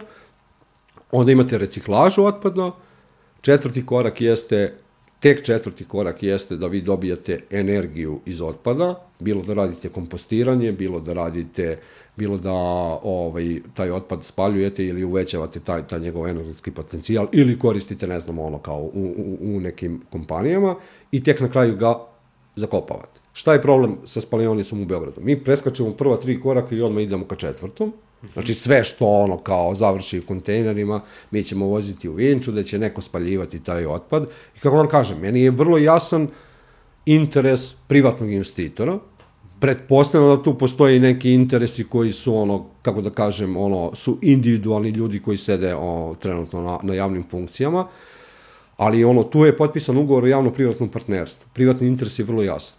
Ono, ono što mi postavljamo pitanje, a gde je tu javni interes? gde je interes nas građana da plaćamo, da neko nešto spaljuje i da nas dodatno zagađuje, kad suštinski možemo raditi o, o ovaj, ponovno iskorišćenje otpada, kad možemo raditi reciklažu, gde možemo zaposliti jako puno ljudi u zelenu ekonomiju, pogotovo onih socijalno najugroženih koji se inače bave prikupljanjem otpada, i to nisu samo Romi, to su ljudi iz ono, socijalno ugroženih kategorija stanovništva, koji to inače rade i da imate čitav, ono, čitav set reciklažne industrije koji bi od toga živeo, koji je jednog trenutka i krenuo, a koji je zbog onog fonda o kojem smo pričali zapao u problem. Koji je zapravo ukinuti fond. Tačno. I šta se desilo? Dakle, oni su tražili, kad kažem oni, mislim na privatnog partnera, u ovom slučaju taj francusko-japanski konzorcijum, su tražili kredit od Evropske banke za, za rekonstrukciju i, i razvoj, od Evropske investicione banke. Evropska investiciona banka je odbila da finansira projekat, I mi smo ju pitali, pošto smo, ono, neke banke imaju procedure žalbe, dakle, gde, da. gde vi ono kao vrlo jasno kažete, ljudi, to nije baš tako kako su oni predstavili. A, oni su nam poslali odgovor, to je bilo u oktobru, i rekli, a, mi ovo nećemo finansirati, zato što ovo, ovaj projekat direktno ugrožava poglavlje 27 i ono, ugrožava proces pridruživanja Srbije Europskoj uniji. Da. Malo pre toga, je Ministarstvo životne sredine dalo saglasnost na studiju izvodljivosti za izgradnju tog postrojenja. Ministarstvo životne sredine, vlade Republike Srbije, koje je nadležno za poglavlje 27 u, ono, u pregovori. Jel možete da verujete da neki bankar neće da pare, gde ima vrlo jasan interes, ono kao živi od kamate, zato što to ugrožava ono put Srbije ka Evropskoj uniji, a da Ministarstvo životne sredine ove zemlje koje treba da brine o zdravlju, o poglavlju, o priključenju Srbije i Evropske unije, daje saglasnost. Jel kapiramo koliko ovde stvari uopšte nisu da. okej? Okay? a, da se vratimo na problem zagađenja vazduha. A, a da, a, a suštinski da, šta, šta će se desiti sa, sa spalionicom? Dakle, ona će oslobađati s jedne strane ono ozbiljne substance u vazduh, Problem jesu ti dioksini i furani najveći, koji jesu direktno kancerogeni, koji nastaju od spaljivanja otpada. I vi kad pričate i sa profesorima sa hemijskog fakulteta, oni kažu ne postoje temperature koje to mogu sprečiti, postoje ozbiljni filteri koji to mogu sprečiti i oni ne veruju da će se to desiti ovde. Ono što je drugi nivo problema jeste ta laboratorija gde, gde vi ne možete izmeriti taj, taj nivo prisustva. Kad, kada smo pričali, bila je javna rasprava o toj studiji na kojoj je Ministarstvo životne sredine dalo saglasnost. I mi smo pitali i ministarstvo i investitora. U stvari ne investitora, nego kompaniju, privatno, li, ono, mislim kompaniju koja je radila tu studiju, da. a koji, pazite, je bivši pomoćnik ministra životne sredine i otvorio, otvorio svoju privatnu firmu i onda kao sad radi studije izvodljivosti, ono, studije o zaštite životne sredine, procenu uticaja za neke privatne firme na koju saglasnost daje Ministarstvo životne sredine. Pa čekajte, mislim, je li ono, je li ovo samo meni problematično u čitavom ovom sistemu i kao, ne, ja sam bio u prethodnoj garnituri, kao čoveče, tamo i dalje sede neki ljudi. Da. Ovaj, a, znate šta su nam rekli za, za ove dioksine i furane? Kao, pa da, ne postoji ovde, ali mi ćemo te uzorke slati o, napolje. Ja kažem, dobro, mislite u inostranstvo? Kao da, u inostranstvo, na analizu. Ja kažem, dobro, a gde ćete šaljete? Kao evo slaćemo u Nemačku ili Holandiju. Ja kažem, a koliko će trajati uzorkovanje, kad vi pošaljete uzorak, pošaljete tamo i koliko mi čekamo ono kao... Povratne informacije. Da. Pa kaže par dana. Ja kažem, par dana, jel to znači ono kao 10 dana? Kao, pa ne manje, ali znači 5, kao pa možda malo više. Jel kapirate da ono, mi dajemo saglasnost sa ovim problemom koji imamo sa aerozagađenjem. Svesno sada nekoj kompaniji koji će u naše ime, zašto ćemo i mi plaćati da spaljuju naš otpad, da oni zagađuju vazduh, ali mi nemamo laboratoriju koji to meri i opet košta negde oko 2 miliona evra, ovaj, ovaj, čitao, čitao, čitava ta laboratorija koja ne postoji u Srbiji, nego ćemo im verovati na reč, evo, ja ću to poslati u Nemačku, pa ćemo čekati tipa 5 dana, pa će nam oni reći kao, e, da, vidiš, juče je bilo baš ono kao ekstremno zagađeno, baš, on, ne, ne, ne juče, nego pre 5 dana je bilo baš ekstremno zagađeno, bilo je kancerogeno, niste trebali izlaziti napolje. Mislim, ljudi, da, da. kako mi ono kao društvo živimo? Daju ti informacije za plus perfekat, ono, za neko davno Bukvalno. prošlo vreme koje više I, ne može da se... I ja mu plaćam za to. Kao, on, I to vrlo mu plaćam. Da. Znači, ono, ta taksa inače za otpad, ovaj, a, oni su uveli da će to biti nešto skoro 6 dinara po kvadratnom metru stanu.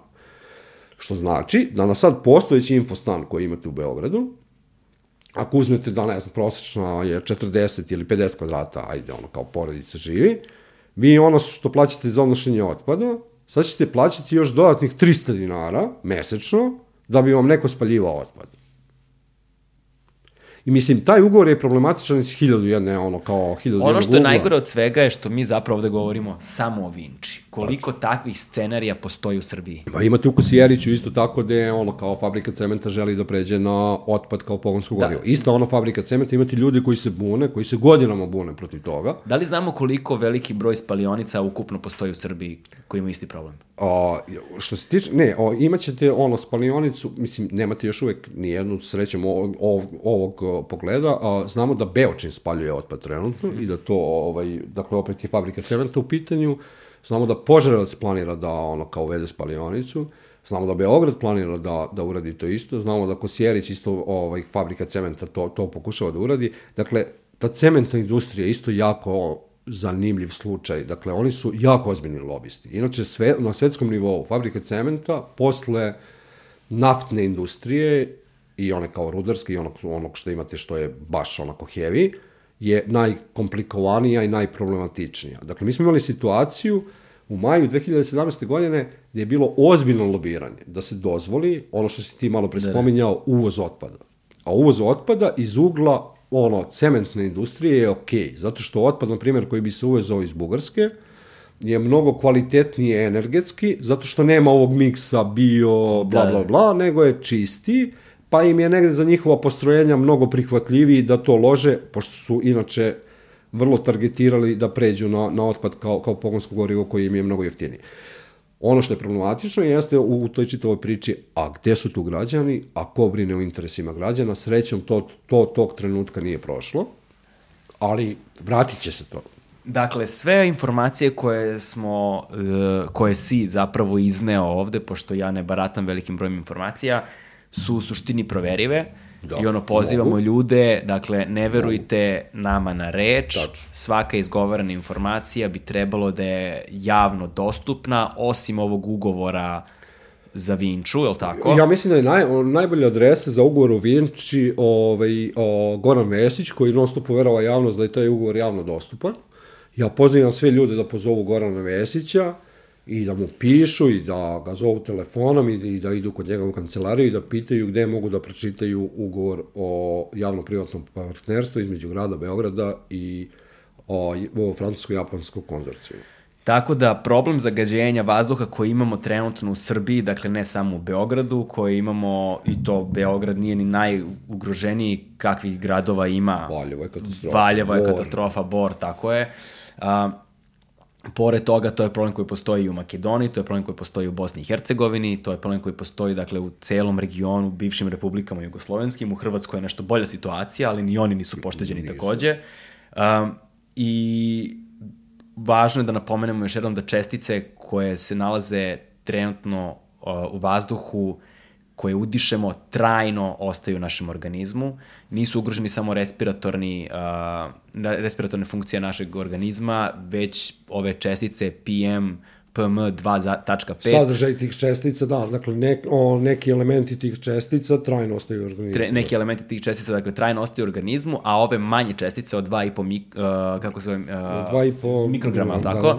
Da. 2,5 mikrograma, one se zapravo absorbuju kroz kožu i u naše organe, tako da i ove maske koje nosimo od ovih krupnijih čestica, čestica nas vrlo slabo štite, a, ovaj, a od ovih manjih čestica, za ove manje čestice su potpuno neupotrebljive. Jedina stvar koja može pomogne, koliko sam razumeo, u našim domaćinstvima su ti prečiš, prečišćivači da, za vazduh, koji se zapravo veoma teško kupuju sada, zato što je potražnja za njima verovatno ogromna, a i veliki broj populacije vrlo verovatno, nažalost, ne može da priušti to. A, usmeravanje problema na najsiromašniji deo stanovništva zbog uh, na individualno domaćinstva i, je, i stare i ovaj, uh, neadekvatne automobile uh, nije ovaj, oni nisu primarni uh, izvor zagađenja, zapravo su industrije, industrijsko zagađenje ono što je ogroman problem i za sam kraj ove vrlo pesimistične priče a, i mračne, reci nam samo vi ste imali protest juče koji je organizovan, a planirate uh, sada neke nove mere ili neki novi protest ili šta planirate da znaju ljudi koji žele da se priključe protestu, da. jer mislim da a, ono zbog čega sam pozvao tebe ispred inicijative jeste upravo zbog toga što nisam želeo da ovo bude politička priča, Ovaj, nisam želeo da ovo bude bilo kakva propagandna priča i da ovo bude akcenat na bilo kakvoj političkoj partiji. Ovaj, ovo je apsolutno a, a, nešto što bi trebalo da bude građanska inicijativa koja se tiče naših života, što se tiče životne sredine, a, sveta u kojem živimo i ono zemlju koju ostavljamo našoj deci sutra, ako ne nama, onda barem našoj deci. I da ljudi budu informisani, da znaju šta se tačno dešava i da na svaki način na koji mogu uh, učestvuju zapravo u tome da se izborimo za bolje sutra. A, dakle, rekao si da planirate nešto 28. 29. 29. januara. Da. Dakle, ja bih vam iskoristio priliku ovaj, da pozovem sve ljude, sve organizacije, sve aktere iz gradova gde postoje problem sa zagađenjem vazduha, a i druge koji negde brinu o, o našem zdravlju i o životnoj sredini, uh, da 29. januara 28. 29. O, ne, 29. 29. januara, 29, dobro. Da, 29. O, organizujemo o, marš za čist vazduh, dakle da se istovremeno desi taj marš u više gradova Srbije, ne bili smo, ne bili smo li probudili dakle, uspavane institucije i ne bismo li naterali ljude koji sede trenutno na, na mestima gde, gde se odlučuje da preduzmu konkretne mere zaštite uh, stanovništva usled ovo, ove pošasti koje nam, koja nam se dešava. Istovremeno bi o, najavio da smo u komunikaciji ovaj, sa drugim gradovima na teritoriji Zapadnog Balkana i da ćemo o, vrlo brzo organizovati Balkanski marš za čist vazduh, gde želimo da čitav region probudimo, da sve institucije, da svi mi zajedno doprinesemo da živimo u sredinama koji, koji, u kojima zaslužujemo. Dakle, to je, to je, to je poenta. 29. januar, pozivam sve da se jave inicijativi Ne davimo Beograd. Nema veze sa, sa političkom pričom, ima veze sa aktivizmom, ima veze sa pitanjem našeg zdravlja, ima veze sa pitanjem života i nas, i naše dece, i okoline u, u kojima živimo. Mislim da je neophodno, zato što stanje jeste ovako kako jeste, da kad nemate institucije koji, koje deluju ovaj, u interesima građana, ostaje nam samo naša solidarnost, ostajemo mi sami, što suštinski nije toliko loše. O, juče je bilo oko hiljadu ljudi na, na, na protestu, mi, mi očekujemo da ukoliko se građani probude, da ćemo probuditi i institucije i da ćemo konačno svi zajedno uspeti da živimo u okruženju koje zaslužuje. Za čist vazduh. Hvala ti puno, Vladimire, Hvala. i uh, pozivamo sve da se uključe u borbu za zaštitu životne sredine, jer i u prošlom podcastu sam o tome govorio, apsolutni imperativ uh, u narednom periodu u našim životima je očuvanje životne sredine i budućnost ne samo nas ovde, nego celokupne planete. Hvala ti puno Hvala vam. ovaj, i vidimo se na maršu. Vidimo se, čao. Ćao.